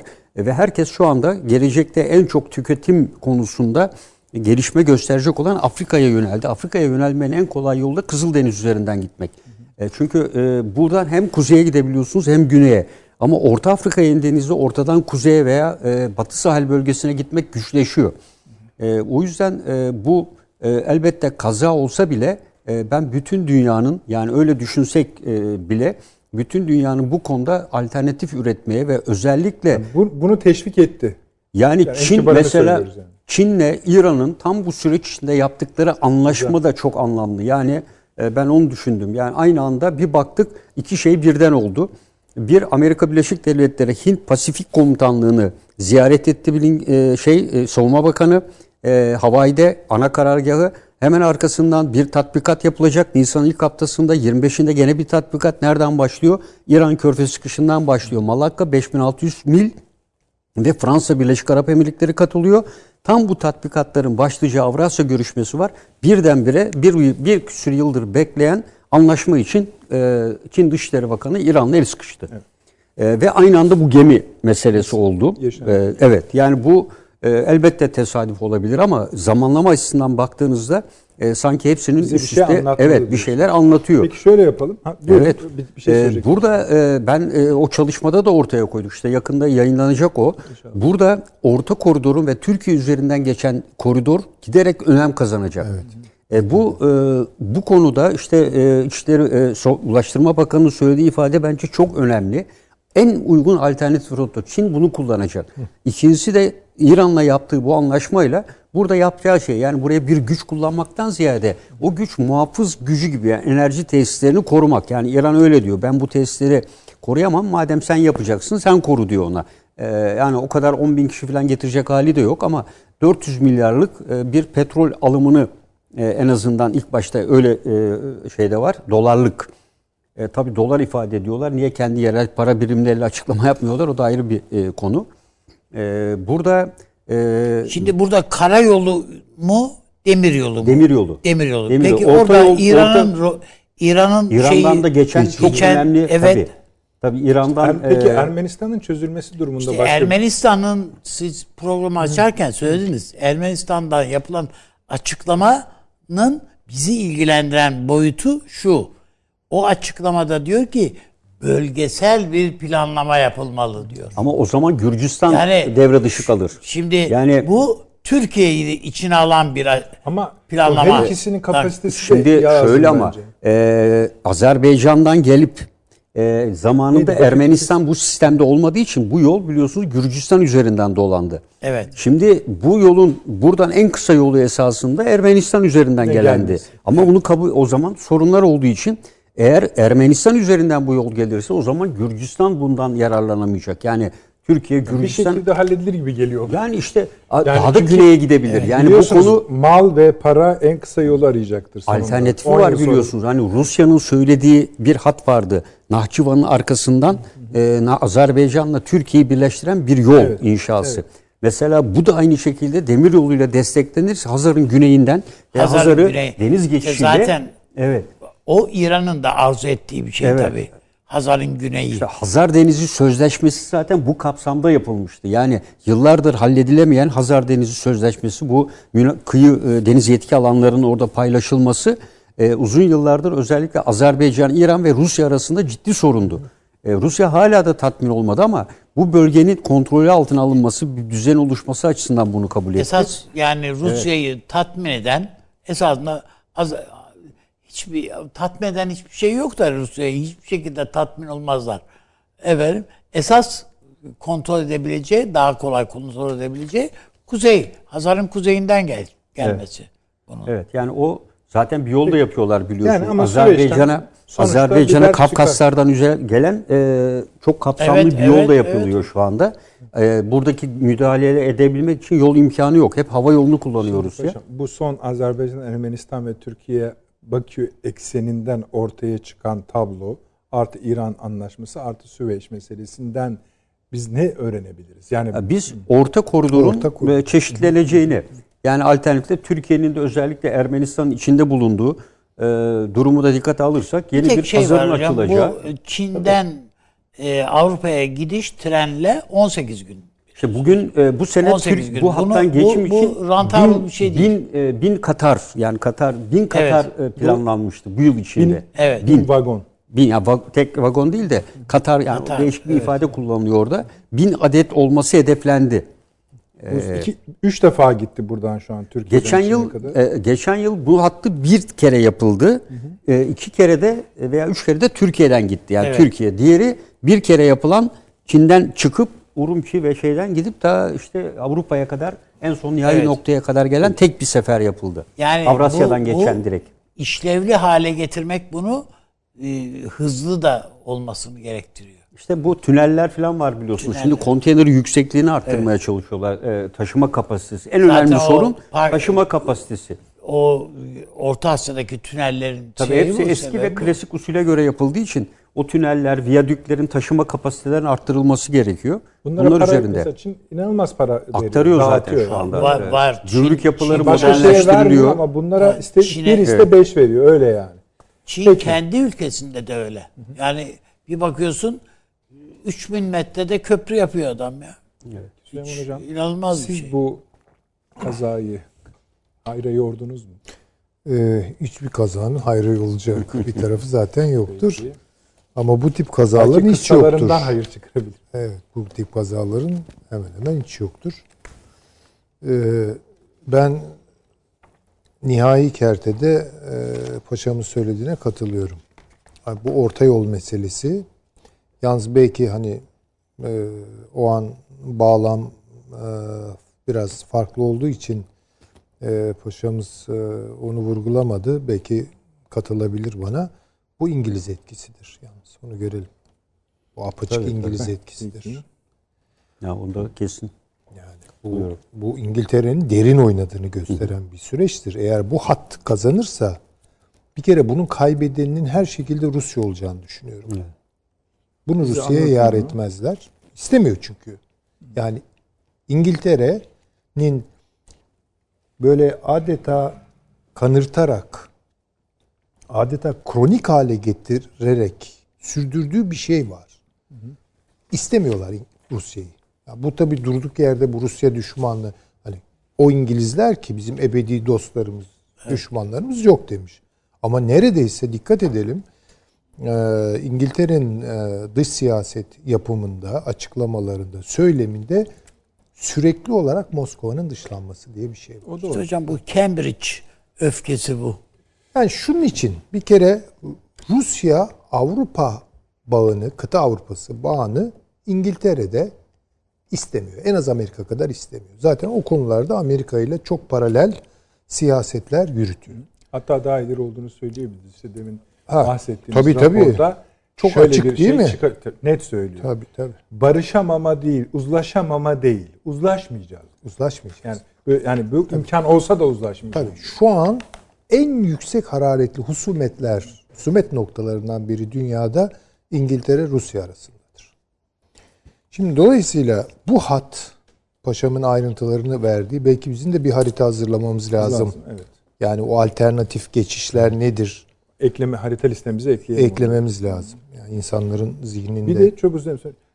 Tam bu e, en çok ne taşındığını biliyor muyuz? Petrol. Petrol. Ee, şöyle yani istatistik çok için- e, Ha, hı. kısa hocamın sözünü destekleyecek şekilde şurada Bunu bir veri vardı. bilelim, Sizin dediğinizi Evet. desteklemek için sordum. tabii tabii tabii doğru. Yani eğer hakikaten Şimdi petrol Körfez'den çıkan bir gemi e, Kızıldeniz üzerinden Londra'ya 12 bin kilometre mesafe e, 14 günde ulaşıyor. Tamam. Afrika'yı dolaşması halinde 20.900 kilometre 24 günde ulaşıyor. 24. Kızıldeniz transit geçişi kü- küresel ticaretteki maliyet ve süreyi yaklaşık %43 azaltıyor. E, ve e, dünyada 2019'da 3.9 milyon ham petrol ve varilin e, neredeyse %78'i Avrupa pazarlarına buradan taşınmış. Şimdi Tamam. Şimdi şunun için sordum. Siz bahis ettiniz ya bu Süveyş işindeki problem İngiliz meselesidir dediniz Ben öyle görüyorum. ve onun bir ucunu da Rusya'ya bağladınız. Süveyş'le ilgili olanı İngiltere ile ilgili değil. Yani İngiltere orayı tıkamak için Anladım, adım anladım. atmaz. Ben sadece orta yolu vurgulamak için söyledim. Eyvallah. Ama petrol meselesinde de tıpkı Ha, petrol meselesinde- Amerikalılar gibi şu ifadesi var. Bu e, fos, fosil bazlı yakıttan sonra çok ülkenin canı yanacak diyor. Tamam. Ya bu bence İngiltere'nin ihtimaller üzerine oynayan bir yaklaşımını ifade ediyor. Çünkü zaten bu Süveyş meselesini, anla- meselesini anlatırken iki boyutu olduğunu vurgulayacağım. Bence İngiltere ikisine de yatırım yapıyor bu ifadelerle. Şimdi hiç aklımızdan çıkartmamamızı düşündüğüm, çıkartmamamız çıkartmamamız gerektiğini düşündüğüm bir husus var. Ee, uygarlığın yakıtını öyle ifade edeyim. Değiştirecek miyiz? Külliyen değiştirecek miyiz? Yoksa uygarlığın yakıtını eski usullerle tüketmeye devam mı edeceğiz? Bence şu an en kritik e, Şu an bu herhalde şey orta budur. koridor. Arkadaşlarımız şöyle bir... Tamam. Evet. Tamam daha berrak Evet. oluyor. Bir iki defa da arkadaşlar seyircimiz görsün biraz biraz daha. Şimdi bunun ne kadar kritik bir soru olduğunu e, anlamamız için ihtimallerini söyleyelim. Tutun ki dünyada petrolden vazgeçildi. Hidro, hidrokarbon kaynaklar kullanılmıyor. Hangi Rusya'dan bahsedeceğiz affedersiniz? Hangi körfezden bahsediyoruz? Hangi Körfez'den bahsedeceğiz? Ama bir dakika hangi Doğu Akdeniz'den Hangi bahsedeceğiz? İran'dan, hangi Çin'den bahsedeceğiz? Evet. Tabii. Şimdi burada bir şey var. Bize ne öneriyorlar? Ya şimdi bir kere eğer Amerika'yı dinleyecek olursak şu an hakim siyaset Biden ve Kamala Harris ekibi Greta'yı öneriyorlar diyecek. Greta sendromu onlar diyorlar ki biz külliyen uygarlığın yakıtını değiştiriyoruz. Tamam. Tamam mı? Güzel. Buna hayır diyen, bununla mücadele halinde olan kim? Çin. Kim? Rusya. Kim? İran. Kim? Körfez. Körfez. Hatta bizi de tutuyor. Bakın şimdi biz Karadeniz'de diyoruz ki doğal gaz bulduk. Bilmem ne bulduk falan diyoruz değil mi yani? Ha. Yine de onlara kıyasla daha az can. E Eğer tabii öyle bir hayır şey biz olursa. daha yani bizim daha bismillah yani işin başındayız. Ama eğer uygarlık böyle bir dönüşüm yaparsa Doğu Akdeniz'de biz petrol bulmuşuz. Bulmamışız. O petrol Nükleeri de açıkça önerdiler. Avrupa çıktı tamam. dedi ki bundan sonra nükleerdir kardeşim. tamam bunu da dediler. Tamam. Güzel. Şimdi kavga bir kere bunun kavgası. Açık söyleyelim. Çin bu konuda herhangi bir açıklama yapıyor mu? Diyor mu ki yani evet doğru Biden ve ekibi haklı. Biz de çok kirletiyoruz dünyayı. Hadi hep birlikte şu medeniyeti bir değiştirelim diyorlar demiyorlar. Çin'de bildiğimiz o emek yoğunluklu sermaye şey e, endüstri Bir de adamlar hakikaten o sözü dinleseler bile onu yetiştirmeleri mümkün, Mümkün değil. değil Nerede yani. kaç tane nükleer yapacak? Hayır. Yani- öyle öyle bir sanayi kurmuş ki adam hiç dünyanın Söküp atamaz hiç çelik, umuru petrol, değil. şunu yapıyor. Yani Çin'in son dönem atılımları içerisinde hani bu zaten hep böyle olur. İngiltere bir ara tekstilin kralıdır. Sonra bunu başından atmıştır falan. Bir takım şeyleri atmak istiyor safraları. Onu Vietnam'a göndermek istiyor. Laos'a falan sürmek istiyor. Bu konuda öyle bir takım açılımları yok değil. Ama bu külliyen bütünüyle o yapıyı defetmek oho Çin Çin'i sarı nehir basarsa aşağı yukarı aynı herhalde etkiyi gösterir. Yani bir tür Nuh tufanı gibi bir şey olur bu Çin için. Tamam. Dolayısıyla bunların kavgası var. Amerika Greta'yı dinledikten sonra nedamet getirip vah biz neler yapmışız bu insanlığa ya bu insanlığı kurtaralım hadi işte yeşile dönelim falan diye mi yapıyor bunları? Hayır. Çünkü o klasik anlamda büyük sanayi organizasyonu, büyük sanayi disiplini, büyük sanayi yatırımı vesaire bütün bunlardaki şansını zaten kaybetti. Çoktan kaybetti. Yani Amerika'ya şu fırsat verilse iki günde Çin'deki bütün yatırımlar sana gelecek. Yani demiriyle, çeliğiyle, her şeyle geri dönüyor deseler bakalım ne olacak? O zaman Greta'ya sırtlarını dönerler. Dönerler tabii. Elbette. Şimdi bunu yapamadıkları için. Ne yapıyorlar? Madem böyle bu bu minderde kaybettik, minderi değiştirelim diyorlar. Ya ama güreşçi orada duruyor ve güreşte devam ediyor. Şimdi ne yapılabilir? İki yol var. Bir açık bir hesaplaşma. İşte paşamın senaryosu yani işte askeri bir hesaplaşma yaparsınız. yakarsınız, yıkarsınız, yeniden hakimiyetinizi tesis edersiniz. E bu olacak iş değil yani. Bu, bu korkunç. Bunun konvansiyonel düzeyde kontrol edilebilir yapılmasının garantisi yok. Edilse bile yıkıcılığı inanılmaz. olur. Zaten yani. Şimdi bu olmuyor. Ama o zaman ne yapabilirler? İkinci yolu izliyorlar ve Biden ve ekibinin yaptığı da bu. Bütün can damarlarını tıkamak. Yani bütün o dolaşımı tıkamak. Bunun için bakın her şeyi olağan karşılamak lazım. Sabotajlar, köprülerin havaya uçurulması. Hepsi bunların olacaktır. Ablukaya almalar, sıkıştırmalar, gümrük duvarlarının yükseltilmesi, yasaklar. Değil mi? İşte Huawei'ye yaptığı gibi. Yani e, kanlı bıçaklı bir hesaplaşmadansa oksijensiz bırakarak, nefesini daraltarak onu işlemez hale getirmek. Ve son Alaska Görüşmeleri. görüşmelerinde ya bunu nasıl sürdüreceğiz? Ya bu sürecek bir kere de. Çünkü herkes anlaşma bekliyor. Olacak iş değil o. Bunu nasıl sürdüreceğiz? İki taraf da kararlı konuştu. Bu şu demektir. Bundan sonra sahaya bakacağız. Sahada neler olabilir? Bir, ağır lojistik sabotajlar. Ağır O, lojistik. Yani, o mu yani? Elbette odur. Yani çünkü şimdi benim biraz incelediğim bilmiyorum ne kadar doğru ne kadar yanlış ama en azından o konuda da havadisler öyle geliyor. Yani herkesin kum fırtınası çıkacağının ilan edildiği bir anda ısrarla o geminin üstelik hiçbir e, destek almadan Ve yani bir- yasa şey olağan hızın üstünde, bir üstünde hızla bir hızla gidiyor. ya bu artık biraz Yani düşündürüyor şüphe Üzerinde o markaların yazıldığı Yani konteynerlerin rüzgara karşı şey etmek gibi. Ha, yani dolayısıyla orayı tıkadılar.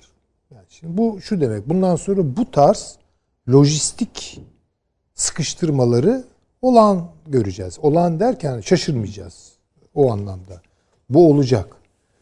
Ee, Çin'in dolaşımını şu haliyle ki daha tamamlanmış bir proje değil. İşte orta kuşak yok. Arktik'te ne oluyor? Yok işte Süveyş mi? Bilmem ne mi? Doğa. Hepsi bunları konuşuluyor.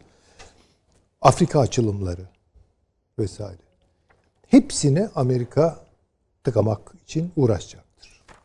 Ama bakın bu tedarik kırılmaları hikayesi ki bu tedarik zincirindeki kırılmalara gidecek olan bir şey. Şimdi Abi mesela şey geçici değil olarak tehlikeli çok tehlikeli bir şey.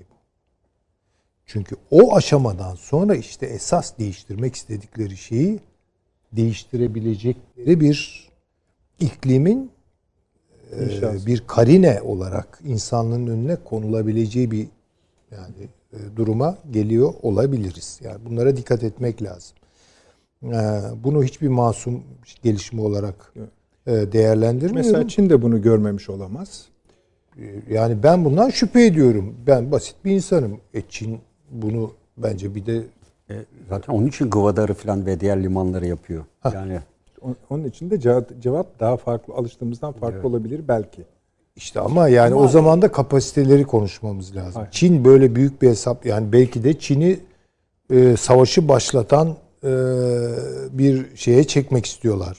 O boyutu da belki var. Hocam, Bilemem. e, şöyle bir şey var. Çin'in mantalitesini ne test etmenin bir şeyi, bir daha doğrusu nasıl az önce İdlib'i gösterdik hep birlikte. Orta Doğu için bir sinir düğümü bir yer diye. O Asya içinde baktığınızda şu anda Myanmar. Bu Çin, Tabii orada da Çin var, orada test ediliyor Tabii. esasında. Yani şu anda işte 3 ayda 500 tane ölü, 3000 kişi tutuklu, bilmem ne filan.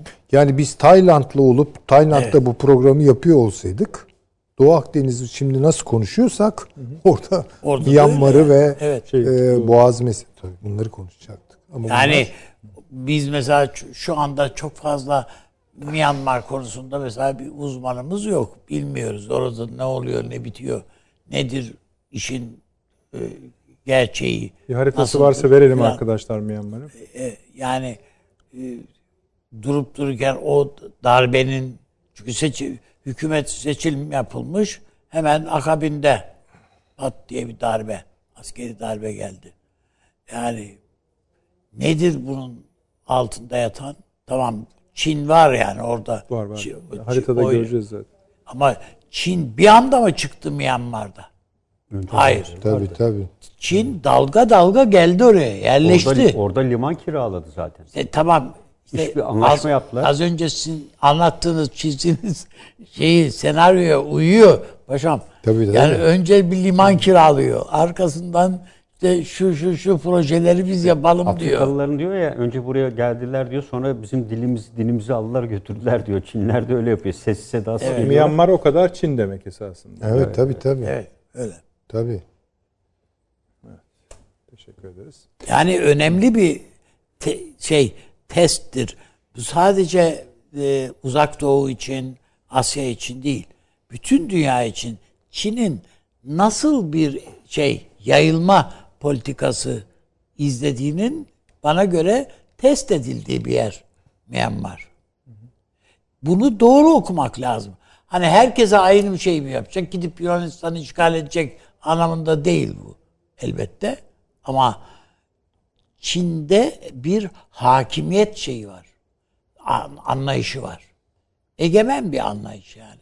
Aslında emperyal bir anlayış. Tabii hiç şüphe yok. Böyle. Yani hege- yeni hegemonik güç ben olacağım diyor yani.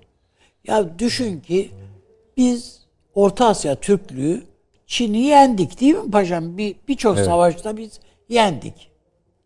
En sonunda yendik. Ya niye biz böyle şey yapmıyoruz ya diye bizim Cuci Han gitti yani Hun Ha- Hakan'ı gitti tahta oturdu Çin tahtına. 10 sene mi 12 sene mi ne sonra Hepsi Türkçe Çinli oldu. evet hepsi Çinli oldu. Türkçeyi de unuttular. Entari giymeye başladılar. Yani ve çocuklarına Çin isimleri koydular. Evet, evet. Filmlerde de Bunlar var yani. Bunlar yaşadık. Peki siz e, kanalın tıkanmasını nasıl yorumluyorsunuz? Yani şüpheli misiniz? Ya bu e, şeylere katılıyorum. Ben hocama da katılıyorum. Yani elbette bu bu kadar tesadüfe şeyde bile filmde bile saçmalık deniliyor. Ama Mısır'dan hiç Yani- ba- özellikle bahsetmediniz. Yani ismi anılsa bile. Şöyle hani- söyleyeyim işte. Şimdi Mısır'ın yıllık 5,5 milyar gelir, dolar geliri Süveyş kanalından. 5 milyar dolar da turizm geliri var. Yani Mısır'da gelir dediğiniz 9 galiba değil mi? Ben öyle 9 9 Ne kadar? 9 milyar milyar, dolar. dolar Süveyş geliri. ben şimdi baktım 5,8. Tamam işte 9 olsa da fark etmiyor. İşte Yani. tamam fark, etmiyor. Neyse. Ama yani toplasanız 15 milyarlık falan bir gelir kaynağı. Hele şimdi turizm falan da dibe Olmayınca vurmuş vaziyette. ve o Çok kadar da ciddi. şeyden geliyor. Dışarıda çalışan Birleşik Arap Emirlikleri'nden geliyordu. Ha, Bir tabii. 5-6 milyar dolar geliyordu Or- oradan. oradan gelir. Yani onların da Yani 20 Almancıları milyar dolar gibi bir Evet. gelir oluyor. Çalışan onların işçilerin Almancıları var. e, Almancıları. Almancıları. Onlar da öyle. Öyle geliyor tabii. Şimdi e, Orada yaşayan vatandaşlarımız o sözü sevmiyorlar. Onu söyleyeyim. Evet tabii. hayır hayır hayır. Ben işte Onların ona, onu körfezcileri. Tırnak içinde söylüyorum. söylemek istedim. Yani bu Mısır için can damar. Başka bir şey yok çünkü. Ve bugün bakıyorsun onun başka oraya göz dikenler de var. Süveyş dahil bir yani göz dikenler var. Alternatif ne yapabiliriz? Yan tarafta başka bir kanal daha açar mıyız? Açmaz mıyız? Şimdi bir Tüm de bunun İsrail başka boyutu orada. da var. Yani Şey, sözünü kesin. evet. Bunun kenarında İsrail'in, İsrail. e, Çin'in e, ve birkaç ülkenin aldığı çok geniş tarım alanları var. Evet. Hemen Kızıldeniz'in kenarında. Yani gelecekte üretim yapılabilecek alanlar. Bir de Mısır'da e, 8 bin kilometre kare sanırım e, Çin-Mısır arasında ortak bir sanayi ve ticaret bölgesi var. Yapımı hızla bitmek üzere. Ve en önemlisi de Sudan'daki Darfur dahil bütün biz- petrol yataklarını Çin işletiyor şu anda. Sina'da epey işletmemiz vardı. Tabi bu aramızdaki ilişkiler kötü olunca o Sina projemiz bizim sanayimizin Sina şeyleri projeleri yattı yani. Çünkü şeysiz e, o Kempte anlaşmalarına dayalı olarak gümrüksüz Amerika'ya ihracat Evet. oradan. İsrail üzerinden yani İsrail'deki Sina'daki savunma Gibi, sanayi evet, üretim tesisi evet. var. Ee, oradan, Sıfır gümrükle. sıfır gümrükle gidiyor. Peki. O zaman bu şeyi biraz açalım müsaade ederseniz. O konuyu o şekilde bağlamak lazım. Öyle bitirelim. İran ve Çin arasındaki bu 25 yıllık işbirliğinin bir görünen tarafı var. Avni abi bir de görünmeyen tarafı. Görünmeyen taraftan şunu kastediyorum. Bu anlaşmanın boyutları sayılıyor. Bu boyutlara ilişkin ayrılmış paralar söyleniyor. Ne kadar gelecek, ne kadar gidecek. İran'ın bunun karşılığında neyi ne kadar, hangi paralarla, ücretlerle takdim edeceği içine anlatılıyor. Petrol o zaten, enerji. E, fakat kapalı bölüm şu. Yani öyle bir anlaşmanın imzalandığı, bunun içinde ayrıca imzalandığı söyleniyor. Fakat ona ilişkin hiçbir açıklama yapılmıyor. Onun başlığı da Peki böyle bir anlaşma imzalamışsa ki de Adını imzaladı yani bari, zaten imzalamışsa değil de imzaladı. Kardeşim o zaman İran'ın bu e, nükleer anlaşma için Amerika'ya böyle gözünü dikmiş hala Washington'a bakmasının sebebi ne? bakıyor mu acaba? Abi, Peki. işte hala bakıyor. Bir, bu İran İran bakıyor diyor. İran bakıyor. Bugün e, şeyin yaptığı, dün mü yaptı? E, Hamaney'in yaptığı bir konuşma var. Evet. E, yani orada e, Şeyin gönlünü mü alıyor? Tabii Çin anlaşması İran'ı rahatlattı. rahatlattı. E, Şu- ve müthiş rahatlattı. Onun endişesi Hayır, hayır, vardı para- elbette yani ekonomik olarak sadece Amerika'nın e, bilmem ne ambargosunu kaldırması yetmiyor yani. Bir de iki tane güvenlik konseyi üyesini arkasına aldı yani yanına aldı en önemli ve iki önemli nükleer güç yanında. Şimdi birincisi bu.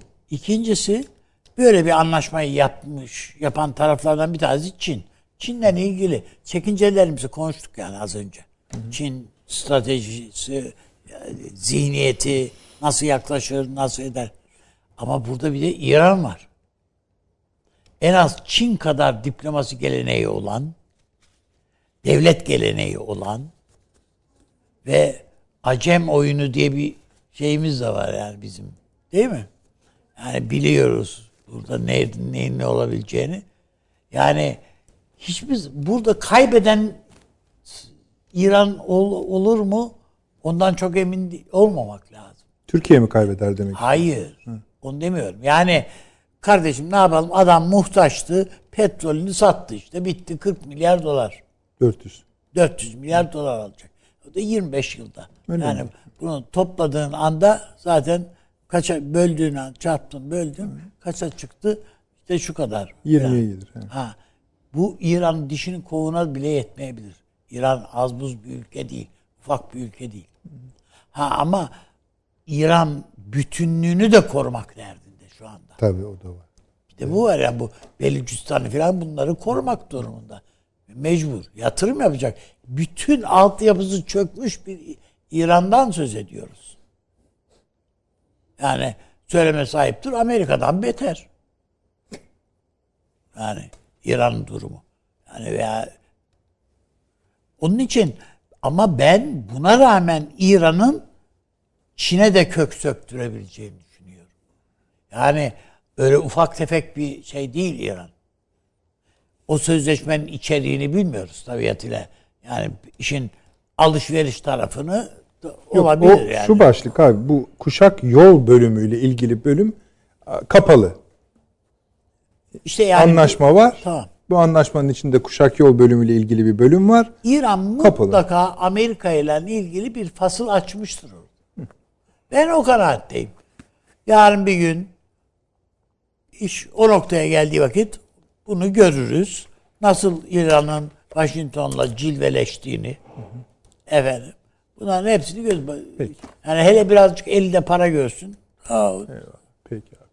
Süleyman Hocam. Ee, eli rahatladı mı? Ya şu tabii ki yani şeyi de kere- hatırlatayım mı izin verirseniz? Buyurun. Seçimler de biraz rahatlamış oldu mu? Ee, Haziran'da biliyorsunuz. Tabii seçimlere tesiri ne olacak onu bilmiyorum ama genel olarak yani İran'daki rejim hakimlerini en azından e, rahatlattı. Paşamın dediğine katılıyorum. Yani Rusya'nın yanı sıra Çin'in desteğini de biraz müphem kalmıştı. O anlaşmayla birlikte daha fazla arkasında hissediyor şimdi İran. Benim endişem işte bakın bütün bu gelişmelerin Türkiye'yi neyi konuşuyorduk? İşte Soçi üçlüsü değil mi ya? İran, Türkiye, Rusya birlikte siyasi. Bunlar Türkiye'yi biraz marja itme riski taşıyor. Çekme mi demek istiyorsun? Tabii ki. Evet. Biz yani o tarafa çekme. O tarafa mı gi- gider, başka dışlama tarafa mı gider, dışlanır tabii ki. Yani tabii öyle bir şey var. Şimdi mesela burada Rusya bu duruma ne diyecek? Yani Türkiye'deki işte diyelim ki kendine göre hep kullanılıyor ya Şimdi söyleyelim. Rusya'yı da İran konusunda rahatlatmış olmasın. E, Yani bilmiyorum Rusya ile İran'ın şu an evet aralarında problem var. İsrail zorluyor, araya giriyor kama gibi filan ama yani sonuçta hala Rus bakıyorsunuz Suriye'de birlikte hareket ediyorlar. Yok Amerika'ya karşı demek istedim. Şimdi Amerika'nın İran'a karşı tutumuna göre Rusya'nın pozisyon alması zaman zaman zorlaşıyor. Açıkça konuşamıyor. E daha da bir kuvvetli tonda bir İran desteği mi göster gösterebilir? Çünkü Amerika açıkça işte artık sıkıştırıyor Rusya'yı da. Şimdi burada Türkiye'nin hakikaten Ha, şey de değil, ben, ben, ben karışmam. Çin yapıyor da diyebilir. diyebilir tabii. Ama Türkiye'nin bir yalnızlaştırılma Çünkü Şeyi var. Yani ekonomik sonuçta olarak güçlenen İran İran'la Türkiye arasında da, da Türkiye ile İran arasında da bir gerilimin tezgahlanmakta olduğunu, hazırlanmakta olduğunu düşünüyorum. Vehim, vehim, vehmediyorum yani. bu konuda. Vehimse vehim. Ya bu özellikle Kuzey Irak ve Suriye'den bekliyorum. Oralarda eğer İran Türkiye gerilimi de başlatılırsa yani Türkiye'yi bu açığa düşürebilecek riskler taşıyor. Ama herhalde görüyorlardır. Bu biliyorsunuz Tahran'dan önce Ankara'ya geldi. Çin Geldi tabii. Yani bir şeyler Çin önemli değil yani. Çin sonuçta işte buraya yatırımlarını yapar, gelir, gelir geçer. Ama, Ama, bunlar da konuşulmuş olmak lazım diye düşünmez miyiz? valla bu kadar siyasi Üstelik bir konuşma konuşuldu mu onu bilmiyorum. Hocam yani. Ankara'ya da bir konuşması Cumhurbaşkanlığı Köşkü'ndeki konuşma e, bir buçuk saat. Ondan önce de heyetler arasında Heyetler arası şeyi saymıyorum. Ben bunun ağırlıklı olarak ekonomik ve ticari olduğunu düşünüyorum. Siyasi ben olduğunu siyasi yani Dışişleri Bakanı çünkü. Gelen. şunu da anımsatayım. Her iki ülkede bunu düşük profilli göstermek isteyecektir dışarıya. Tabii yansıması. hiç E ya, kapalı Şeyde- kapılar ardında bir şey olduysa Bilmiyoruz bilemem. yani. Ama projeksiyon yapıyoruz. Çin- en azından yapıyoruz. me- medya önüne çıkmamak kaydıyla konuştular. Bakın e, şeyin resmi açıklaması Cumhurbaşkanlığı resmi açıklaması iki cümledir. Bu kadar. tamam yani. Yani biz içeriğini Çin'den öğrendik. İşte bilemiyorum yani. e, Ben yani e, Biraz- o bu anlaşma İran Çin anlaşması e, yansıyan haliyle Orta Doğu'da da oyunu değiştirir. doğru. Yani Katılırım ona. sadece Tabii, İr-. Doğru doğru. İran Asya açısından oyunu değiştirmez yani. Orta Doğu'da da, Suriye'de de, Lübnan'da da hepsinde oyunu Zaten değiştirir. körfezi geziyor şey. Körfezi geziyor tabii Bakanı. tabii. Evet. Tabii. Bir öncesinde Lavrov gezmişti. Suudi Arabistan'la konuşması da İran konuşmasına benzerdir. Çin'in destekliyoruz. Sizin gelişme hakkınızı Hatta engelleyebilecek olayların çok karşısındayız. Önerileri de var yani. Mesela Yani, yani e, Suudi Arabistan'ın iyi de yani bu Amerika ne diyecek falan dediği Aramco'ya kredi Ar- Aramco'yu verin bize diyor adam. Verin. Diyor, enerjiyi Kaç destekleyin. para? Ay, tabii canım yani kaç para? Yani en sonunda Suudi şey e, Selman gülmeye başlamış yani. E tabi orası Süleyman Hocam bu benziyor. açtınız. Sonunda yo- yok pahasına birinin eline gidecek gibi dünyanın evet, en zengin şirketi gibi Aramco gözüküyor. San Francisco yerine Pekin'e benzeyecek gibi. Evet. geliyor. Yani Evet, orası evet. biliyorsun San Francisco'ya benzeterek yapmışlar. Ee, oturma yerlerini filan. Çinler Pekin'e benzetirler. Tamam Süleyman Hocam. Hayır yapar yapınca da yapıyorlar yani şimdi Yapıyorlar. işin bir gerçeği var yani ortada Şangay diye bir şey var yani değil mi? Ee, Şey gibi yani Manhattan gibi bir şey yaptılar orada. Siz bir şeyler ekleyecek misiniz? Yok. Anlaşmanın şey boyutuyla ilgili e, ne olabilir Yani diye de e, soracaktım anlaşmanın ama tabii bir öncekinde yani bundan evvel e, sızanlarda e, şöyle bir şey de bu var. bir güncellenmiş anlaşma aslında. Yani baştan sona yazılmış bir tekrar yazılmış bir anlaşma Ama bir değil. hazır bir tarafı vardı zaten. Bir imzalanmış bölümü vardı daha önce. Onun güvenlik tabii. boyutu vardı. Vardı. Güvenlik Güvenlik boyutunda yani asker bulundurmanın yanı sıra İranlı askerlerin özellikle rafineri ve bilmem ne konusunda benzeri uzun konular vardı. Eğitilmesi vardı. Yani eğitilmesi konusu ve buradan da sadece bir limanla çıkış değil buradan aynı zamanda belki işte Belucistan meselesi burada esas sorun. Ve toplam kıyı şeridinin uzunluğu da Çin'e tahsis edeceği yaklaşık 1000 kilometre filandı. 1000 kilometrelik bir kıyı şeridi içeri doğru onu yazıyordu. Şu an tam aklımda değil ama Ama böyle orayı raptiyelemiş gibi adam Evet. tam- yani bir inci dizisi adı da o zaten. Orası e, tamamen İran körfezi girişini kontrol altına alıyor. Yani Çin'in yerleştiği yerle. E, körfezden bütün petrol e, tankerlerinin O- eğer çıkışı bütün bu anlaşmaları Evet. tamamlarsa yani işte Suudi Arabistan dahil böyle bir çana o eline geçirmiş. yani eline geçirmiş bir öncekinde oturmuş gibi şimdiki olacak net oraya. bilmiyorum. Bir öncekinde işaretlenen bölüm gazetelerde tam o körfezin çıkışında Belucistan bölgesine doğru yakın olan bir Şeyi nereye oturtuyorsunuz paşam? Bu geçen programda siz yani geçen hafta salı günkü programda e, siz Amerika'nın nasıl bir çevreleme evet askeri güç bakımından bir çevreleme içinde olduğunu anlattınız bize. Ee, şimdi bütün bunları Çin yaparken bu, bu Washington elleri armut toplamıyor bunun yani. Zaten Bunlar- İran çok kritikti üstadım. evet. Yani öyle bir şey ki şimdi düşünebiliyor musunuz? Çin, Pakistan, İran, İran. dedin Evet. körfeze geldi bitti zaten. tabii.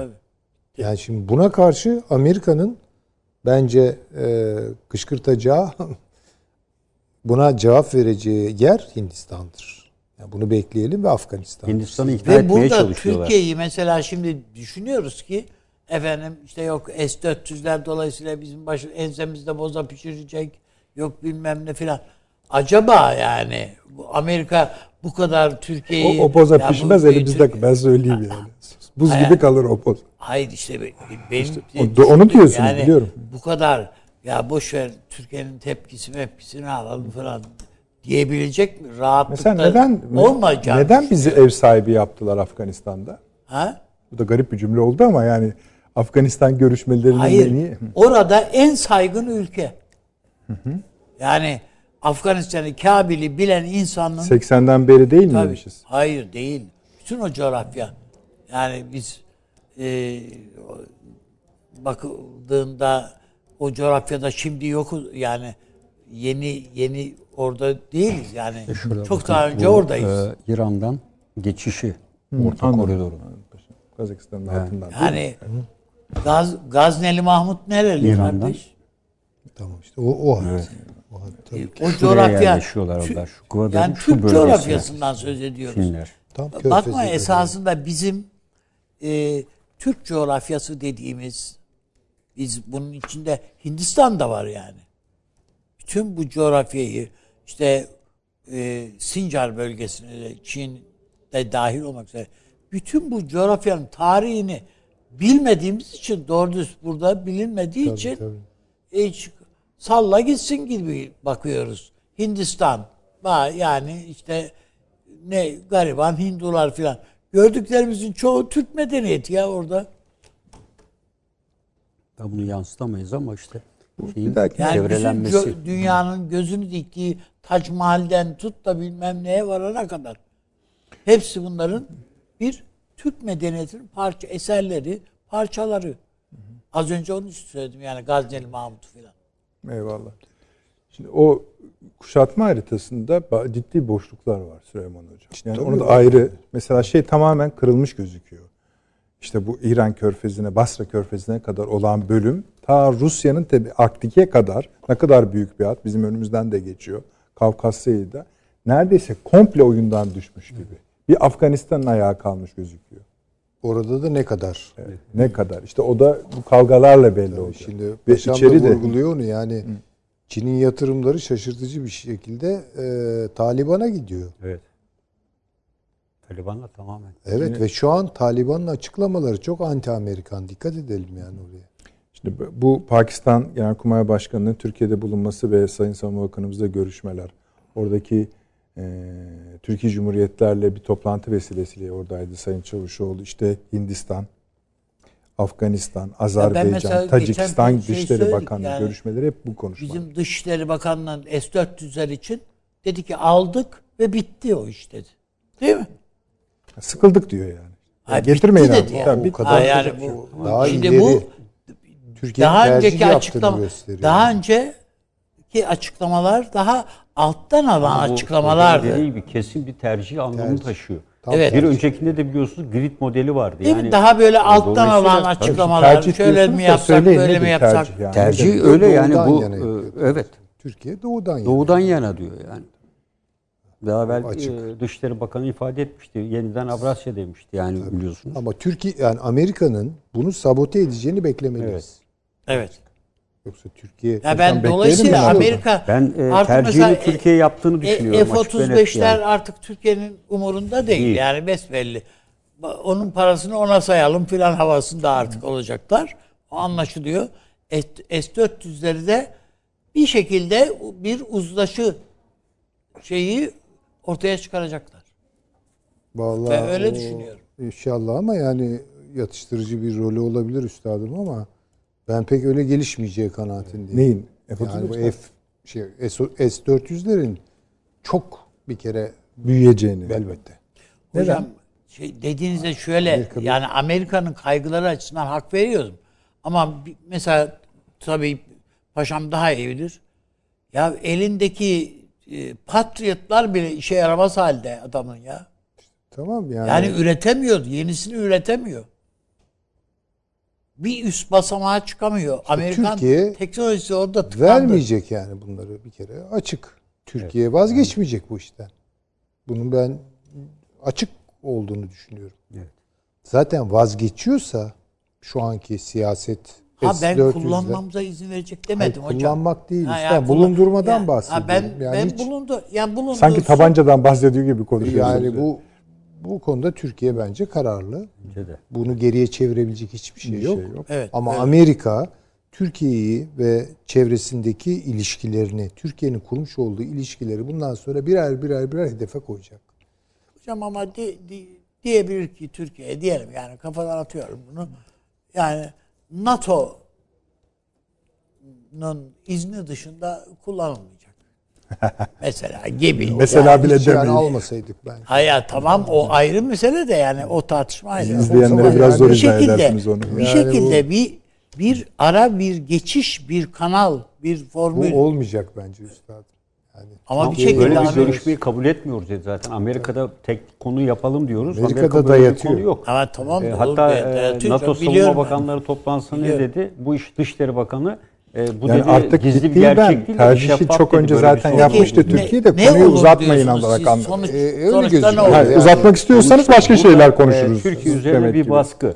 Yani her iki tarafta birbirinin elini e, ısırıyor. E, Evet. şu anda tabii el ısırma e, gücüne göre kim dayanacağı. Burada Amerika Birleşik Devletleri'nin Rusya, Çin ve İran şeklinde gelişen süreçte Türkiye'de tamamen böyle bir yapının içerisine e, atmak mı ister?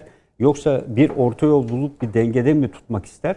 E, bunu Amerika Birleşik Devletleri tayin edecek. Yani Türkiye'nin Hocam, bence politikası büyük Amerika ölçüde belli. Bölge, özellikle iki alana girecek yer bulamıyor. Birisi Orta Doğu'dur.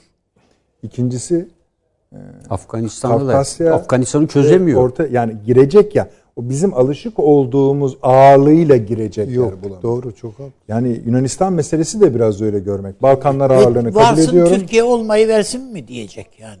Evet, hayır tam mi? tersine olmazsa olmaz dedirtmeye Evet, çalışıyor. işte- Olmazsa olmayacak dedir.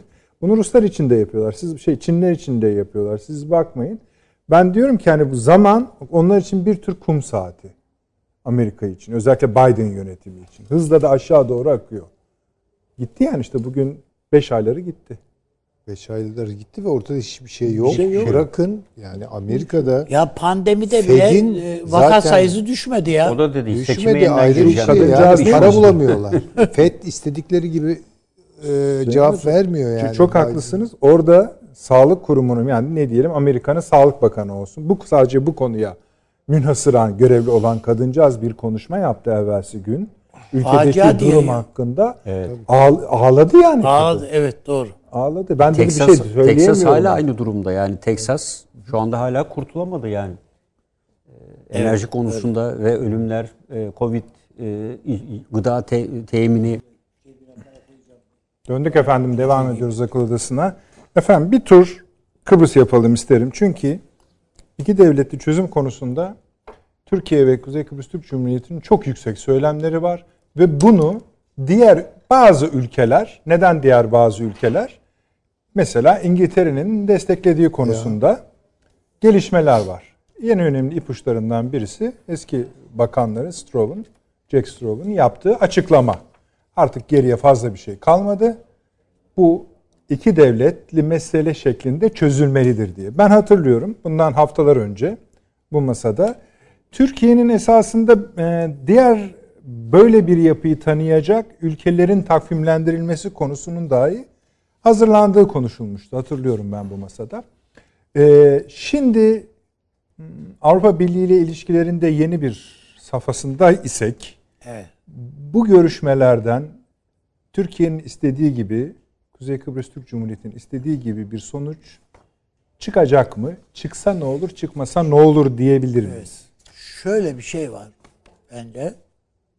Bizim deve dişlerinden bir veya ikisinin bu işe evet demesine ihtiyacımız var. İşte biri demiş gibi Yani oldu. hayır işte bak İngiltere'nin dışında İngiltere yetmiyor. Çünkü İngiltere garantör ülke. Ee, yani bizim üç garantör ülkeden bir tanesi. İngiltere yetmiyor. Almanya, Fransa ve Amerika. Güzel. Almanlar demez mi? İşte bu bir tanesi yetmiyor tam. Amerika'nın da buna evet ya bir de tanınırlık var. Anlıyorum ben. Daha önce bir defa Pakistan filan tanımaya kalktılar. Türkiye Amerika üzerlerine gidince e, vazgeçtiler. Yani bir defa daha önce denendi bu. Ama bugünün koşullarında ne olur derseniz e, eğer Almanya tanırsa Fransa tanırsa bir tanesi Fransa tanır mı zannetmiyorum ama Almanya tanırsa o zaman çözülür. Yani Amerika sadece homurdanır. Yapabileceği bir şey yok yani. Ne yapacak yani? İşgal mi edecek? bunu yakın görüyor muyuz? İşgali değil yani. Mecbur. Hayır yani bu Türkiye Türkiye'nin elinde başka kart yok şu anda. Ve e, Rumlar kaşınıyorlar. Camilere gidip haç çizmek, şu bu filan. Türkiye'nin de bir moral hazırlık oldu. TRT'nin bir zamanlar Kıbrıs diye bir dizisini başlatıyor mesela. Ee, o bizim toplumumuzda bir şey meydana getirecektir. Yani bir duyarlılık tazelemesi, Anım- psikolojik bir anımsama. hazırlanma. Nitekim sizin dediğiniz bugün 3. maddede yer alıyor biliyorsunuz. Evet. Yunanistan'ın Türk azınlığa yönelik insan hakları ihlalleriyle sığınmacıları hedef alan insanlık dışı uygulamaları ele alınmış. Diyalog çağrılarımıza rağmen Türkiye'ye karşı politikalarını arttırma cihetine giden Yunanistan, uluslararası hukuka riayet etmeye ve iyi komşuluk ilişkilerinin gereğini yerine getirmeye davet edilmiştir. Evet. Ama ben en çok şu cevabı arıyorum. Bu Kıbrıs meselesi bitsin artık. Yani iki devletliyse iki devletli.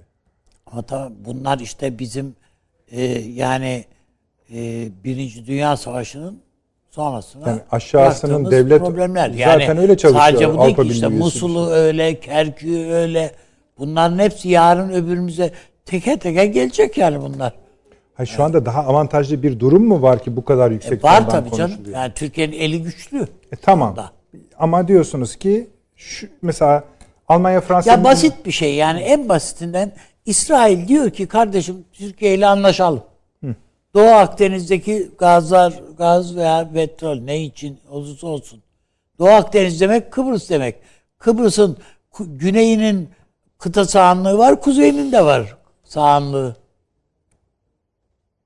Yani boru hattını geçireceksen kuzeyinden geçireceksin zaten. Kuzeyinin sahasından geçireceksin. yani İsrail tanısın diyorsunuz. Tabii. Yani İsrail tanı hiç dert değil yani İsrail e, ayrıca Kralını tanımaz diyorsun. Tanımanın da tanımanın da birçok tabii ben onu yani diplomasi şeyinde tam bilmiyorum. Tanımanın da bir, bir takım aşamaları var. Yani te- tanıdım bitti. Hayır öyle değil yani. Onun e, Gerekleri yani önce var. bir şeyi var yani bir iki aşaması var filan. Peki. Süleyman Hocam. Ben Vallahi- kıvamında yani şu anda iş diye düşünüyorum. Valla yani İngiltere'yi dinleyecek olursak bundan yaklaşık bir, bir buçuk ay önce de tam tersi bir açıklama Tam vardı. tersinde söylüyordu evet. Ne oldu da ne oldu?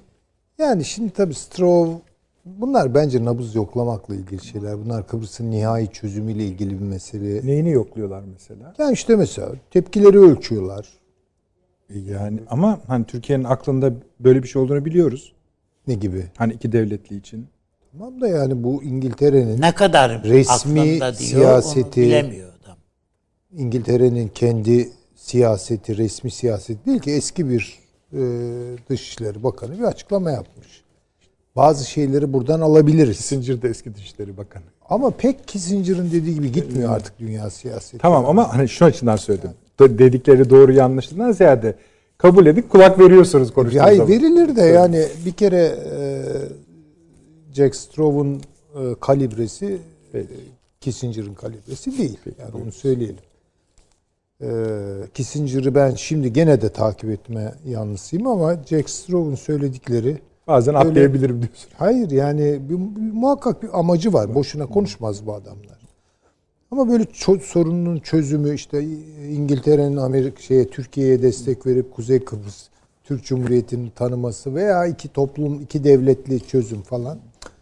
Bunları bence konuşmak için erken. Erken. İngiltere belki Amerika'ya bir laf ediyor. İşte bilemezsiniz belki. yani o Hayır, pek mesela çözümle ilgili bir seyircilerimize şey. gösteremiyorum. Parlıyor çünkü ama size göster. Mesela 29 Mart tarihli Milliyet Gazetesi'nin tam tam bir sayfası. Mesela Sayın e, Cumhurbaşkanı Ersin Tatar'ı ayrılmış. Bütün arkadaşlar bir deneyelim. Çok parlıyor mu? Kirli dolu. Parlıyor değil mi biraz? Bekleyin dediniz. Peki. Yani bir faaliyet de var anlamında bunu gösteriyorum Süleyman Hocam. Şimdiye Yani kadar vardır da. bir de şunu göz önüne alın. Şimdiye kadar Türkiye'de bu kadar üzer, parlatılmış bir Kıbrıs Cumhurbaşkanı yok. Yani buna Rauf Denktaş dahil. Peki Süleyman Hocam. Şimdi e, bunun bir buradan bir çözüm falan çıkmaz ben onu çok beklemiyorum. Türkiye'nin tabii ki böyle bir siyaseti var. Bunu sık sık ortamlarda, uluslararası zeminlerde dile getiriyor. Ama bunun karşılığında ne İngiltere'nin şu an ne e, Fransa veya Almanya'nın vaziyet alıp bir tercihte bulunup e, Türkiye'nin yanında yer almalarını bir kere unutmayalım. Güney Kıbrıs Avrupa Birliği üyesi. Yani Almanya eğer kalkıp bu çözümü dayatıcı bir şekilde savunup Türkiye'nin tezlerinin yanında yer alırsa Avrupa Birliği gümbür diyor demektir yani. Bu çok olacak iş değil yani. Fiili bir durum var orada. Bu fiili durum devam eder. Benim gördüğüm budur. Bunun böyle bir nihai çözüme kavuşması için falan bilmiyorum. Daha kaç nesil geçmesi O derece. gerek- elbette tabii. tabii. Ya da çok beklenmeyen yani hakikaten müthiş bir dünya düzeni kurulur. Ha, o zaman tamam yani böyle bir yeni bir forum herkes orada konuşacak, hakkını savunacak vesaire. İşte bu Mümkün mü? 27-29 Nisan'da Cenevre'de bir bunun toplantısı var biliyorsunuz. yapılır yani. Ha, yapılır. Onda bir şey yok. Zaten haberler zaten şöyle veriliyor. İlk round yani hani bilemeyiz ki ilk roundu niye söylüyorsunuz? Başlıyor denmesi lazım görüşmeler, Cenevre görüşmeleri. İlk round burada deniyor. Biliyor ki herkes çok uzun round. Ee, ama bunu kestir yani iki devlet demek kestirip atmaya müsait tartışmalar demek. Ama yani bunu Şartları yok diyorsunuz siz. ay bunu Yunanistan kabul ediyor mu? Bunu Güney Kıbrıs kabul ediyor mu? İstediği kadar Jack Straw söylesin. Hadi diyelim ki samimi alıyoruz. Herhangi bir baskı var mı onların üzerinde? Bu tezi kabul et diye. Yok. E, e, ne, ne- neyi konuşacağız? Peki. Yani sizin canınızı sıkmış. Tamamen katılıyorum. Ben kendim bildim bileli. Öyle öyle canım benim de kendim. Bizi bildiğimiz bileli biz 74'ten beri En hassas olduğu konulardan biridir kamuoyunun. O bile zaman zaman Kıbrıs öyküsü dinlemek istemiyor kamuoyu. e, artık yani tabii.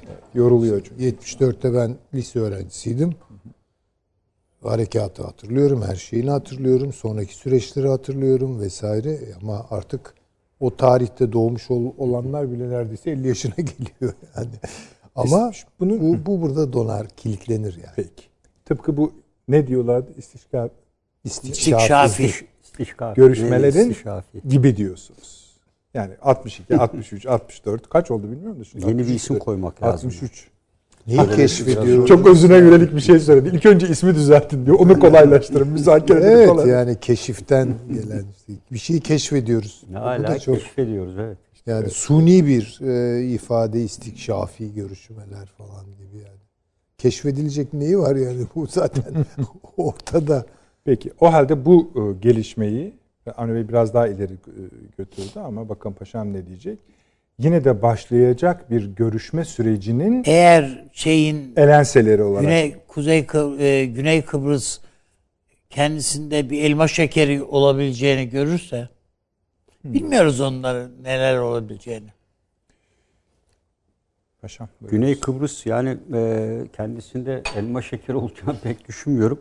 Çünkü bu oyuna elma şeker veriyorlar. Yani İngiltere fazla topraklarını onlara verdi. Türkiye'ye işlemedi bile. Tabii. Fransa geldi Mari'de ve Dipka şeyde e, hava üssü kurdu. Hiçbir şey demedi bile. E, onun karşılığı Ruslar, Çinliler cirit atıyorlar orada. E, burada iki şey var yani bana göre. E, bir, e, Türkiye ile Yunanistan arasındaki Ege konusu çözülmeden Kıbrıs çözülmez. İkincisi de e, Kıbrıs'ta çözümün tek şartı var. E, Yunanları tahrik ederek adanın tamamını ele geçirmek. E, bunun e, O Paşam tabii toptancı. evet yani e, Ama bu- insanı o noktaya da Çok getirmiyor değil yani. paşam yani. Evet, yani çünkü ikinci Ya barış size hareket- söz verirken gittikçe daha çok tedirgin oluyorum her seferinde. Buyurunuz. Yani burada e, şu gerçek var. Yani burada e, Süleyman Hocam'ın söylediği gibi artık e, ben 74 2 yılda e, görev yaptığım bir yer. Bütün cephesiyle her şeyini karış karış biliyorum. E, dolayısıyla yani bu süreç içinde bir daha asla iki toplum bir araya gelmesi söz konusu olamaz. Yani burada e, bizim Kuzey Kıbrıs Türk Cumhuriyeti ya ekonomik anlamda bu izolasyonlar kalkmadan bu bölgenin gelişmesi sadece Türkiye'nin desteğiyle de olacak şey değil. E, dolayısıyla burada Alexander Duggin'in söylediği ilginç bir şey vardı esasında Kıbrıs'ta bir toplantı sırasında. Diyor ki Türkiye Suriye ile sorunu çözerse diyor Kıbrıs sorunu da çözülür gibi ilginç bir yaklaşımda bulun. yani e, yani bunun tabii teknik bazı nedenlerini falan söylüyor. Rusya'nın yaklaşımı açısından ifade ediyor ama e, burada e, şu anda 5 artı 1 toplantısı var. Yani 3 garantör e, bir de Birleşmiş Milletler falan var. Burada şunu söylüyor Avrupa diye. Birliği var mı? Yok. Yok. Birleşmiş Milletler Reddet. Türkiye'de bir pek grup. istemiyor galiba. E, Türkiye, Yunanistan, hiç istemiyor. İngiltere e, bir de işte e, iki taraf var yani burada. E, ve bu yüzden de ortak vizyon yani hala ortak anlaşılan noktalar üzerine bulmaya çalışacaklar burada. Öncelikle geniş kapsamlı ortak vizyonların üzerinde mutabakat sağlanacak ki bu konuda defalarca Yani varılmıştır. bir ümidin şuradan şuraya kadar nasıl eridiğini görüyorum. Yani işte e, bu konu e, ben orada Kıbrıs'ta görev yaparken de yani hatta tarihi eserlerin karşılıklı verilmesi, tanınması falan gibi birçok ortak noktalar tespit edilmişti. Zaten bunlar %10'u falan oluşturuyor. Yani geri kalan %80-90'ı zaten ortak olmayan noktalar. E, burada e, mevcut olan statüko aynen devam edecektir. En son yapılan anketlerde de zaten bu adada barışın, istikrarın korunmasını kim sağlıyor derseniz %8 Birleşmiş Milletler gücüne %70 oranında da e, Türk Silahlı Kuvvetlerine deniyor. Yani yapılan en son araştırma. E, ve dolayısıyla burada e, Kuzey Kıbrıs'ta bir Türk Cumhuriyeti'nde yeni nesil geliyor. Yani bu nesilleri hep konuşuyoruz. Kıbrıs Barış Harekatı ve geçmişten oldukça habersizler. E, bu ileriki süreçte tabii e, nereye evrilebilir? Yani işte 50 geçti bizden sonra belki bir 50 de yıl daha böyle devam etmesi mümkün değil. E, çünkü e, o zaman geçmişte olduğu gibi e, bir şekilde belki bir plebisit vesaire gibi ileriki süreçlerde İşte e, Türkiye devam- belki emrivakiyle evet bir yani, şeyleri çözebilir. yani e, Ya başka yol bırakmadınız bize diyerek ve Yunanlılara da birileri arkadaş adamlara bir uz, Birleşmiş Milletler'in anlaşmasını reddettiniz. Tek taraflı olarak Avrupa Birliği'ne bunları aldınız. Yani herkes yani bu Avrupa Birliği de burada günahkar. Aldı Yunanistan şeyi Güney Kıbrıs'ı içine.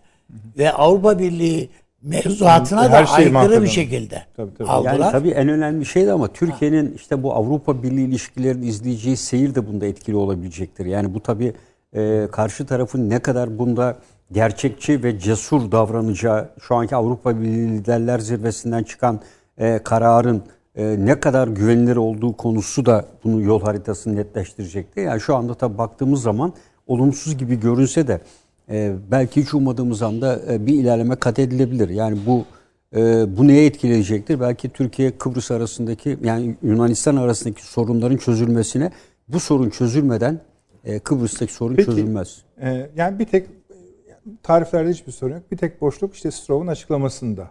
Ama yani biraz fazla Yok büyük. hayır canım o çok yani. büyük boşluk. Öyle öyle olmaz. Yani hayır, boşluktan kastım şu. Neden sorusuna mesela Süleyman Hocam diyor ki büyütme olur öyle şeyler diyor. Ee, ama daha fazla anlam yüklenmesi. Yani yeter yani yeteri kadar o tek başına o yetmez. Önemsiz mi? Hayır, çok önemli. Önemli ama tek başına yetmez. Yunanistan'da da bi- bir bana göre bir bıkkınlık var. Güney Kıbrıs'ta da var esasında bir bıkkınlık. Yani Yunan Güney Kıbrıs rahat mı yani? Aa, biz bu durumdan çok memnunuz, rahatız. Avrupa Birliği'ne üyeyiz. E, e o zaman niye gidiyorsun Cenevre'ye? Bir şey ekleyecek misiniz? Yok. Hocam? Tamam. Bu değil, budur dediniz. Bitirdik efendim süremizi. Avni Bey çok teşekkür ediyorum. Süleyman Hocam teşekkür sağ olunuz. Var olunuz Sağ olun. paşam. Eksik olmayınız. Efendim tabii en çok teşekkürler. Sizlere en çok kaçta arkadaşlar tekrar bir buçuk mu? 01.30'da programımızın tekrarı var. Yarın mümkün olduğu kadar erken saatte YouTube'u sizin için hazırlamaya çalışıyoruz. Yani rahatlıkla söyleyebilirim ki binlerce izleyicimiz orayı da baştan sona tekrar veya bugün meşgullerse bu saatte oradan izliyorlar. Oradaki yorumlarınızı da takip ediyoruz. Müsteri olunuz. İyi geceler efendim.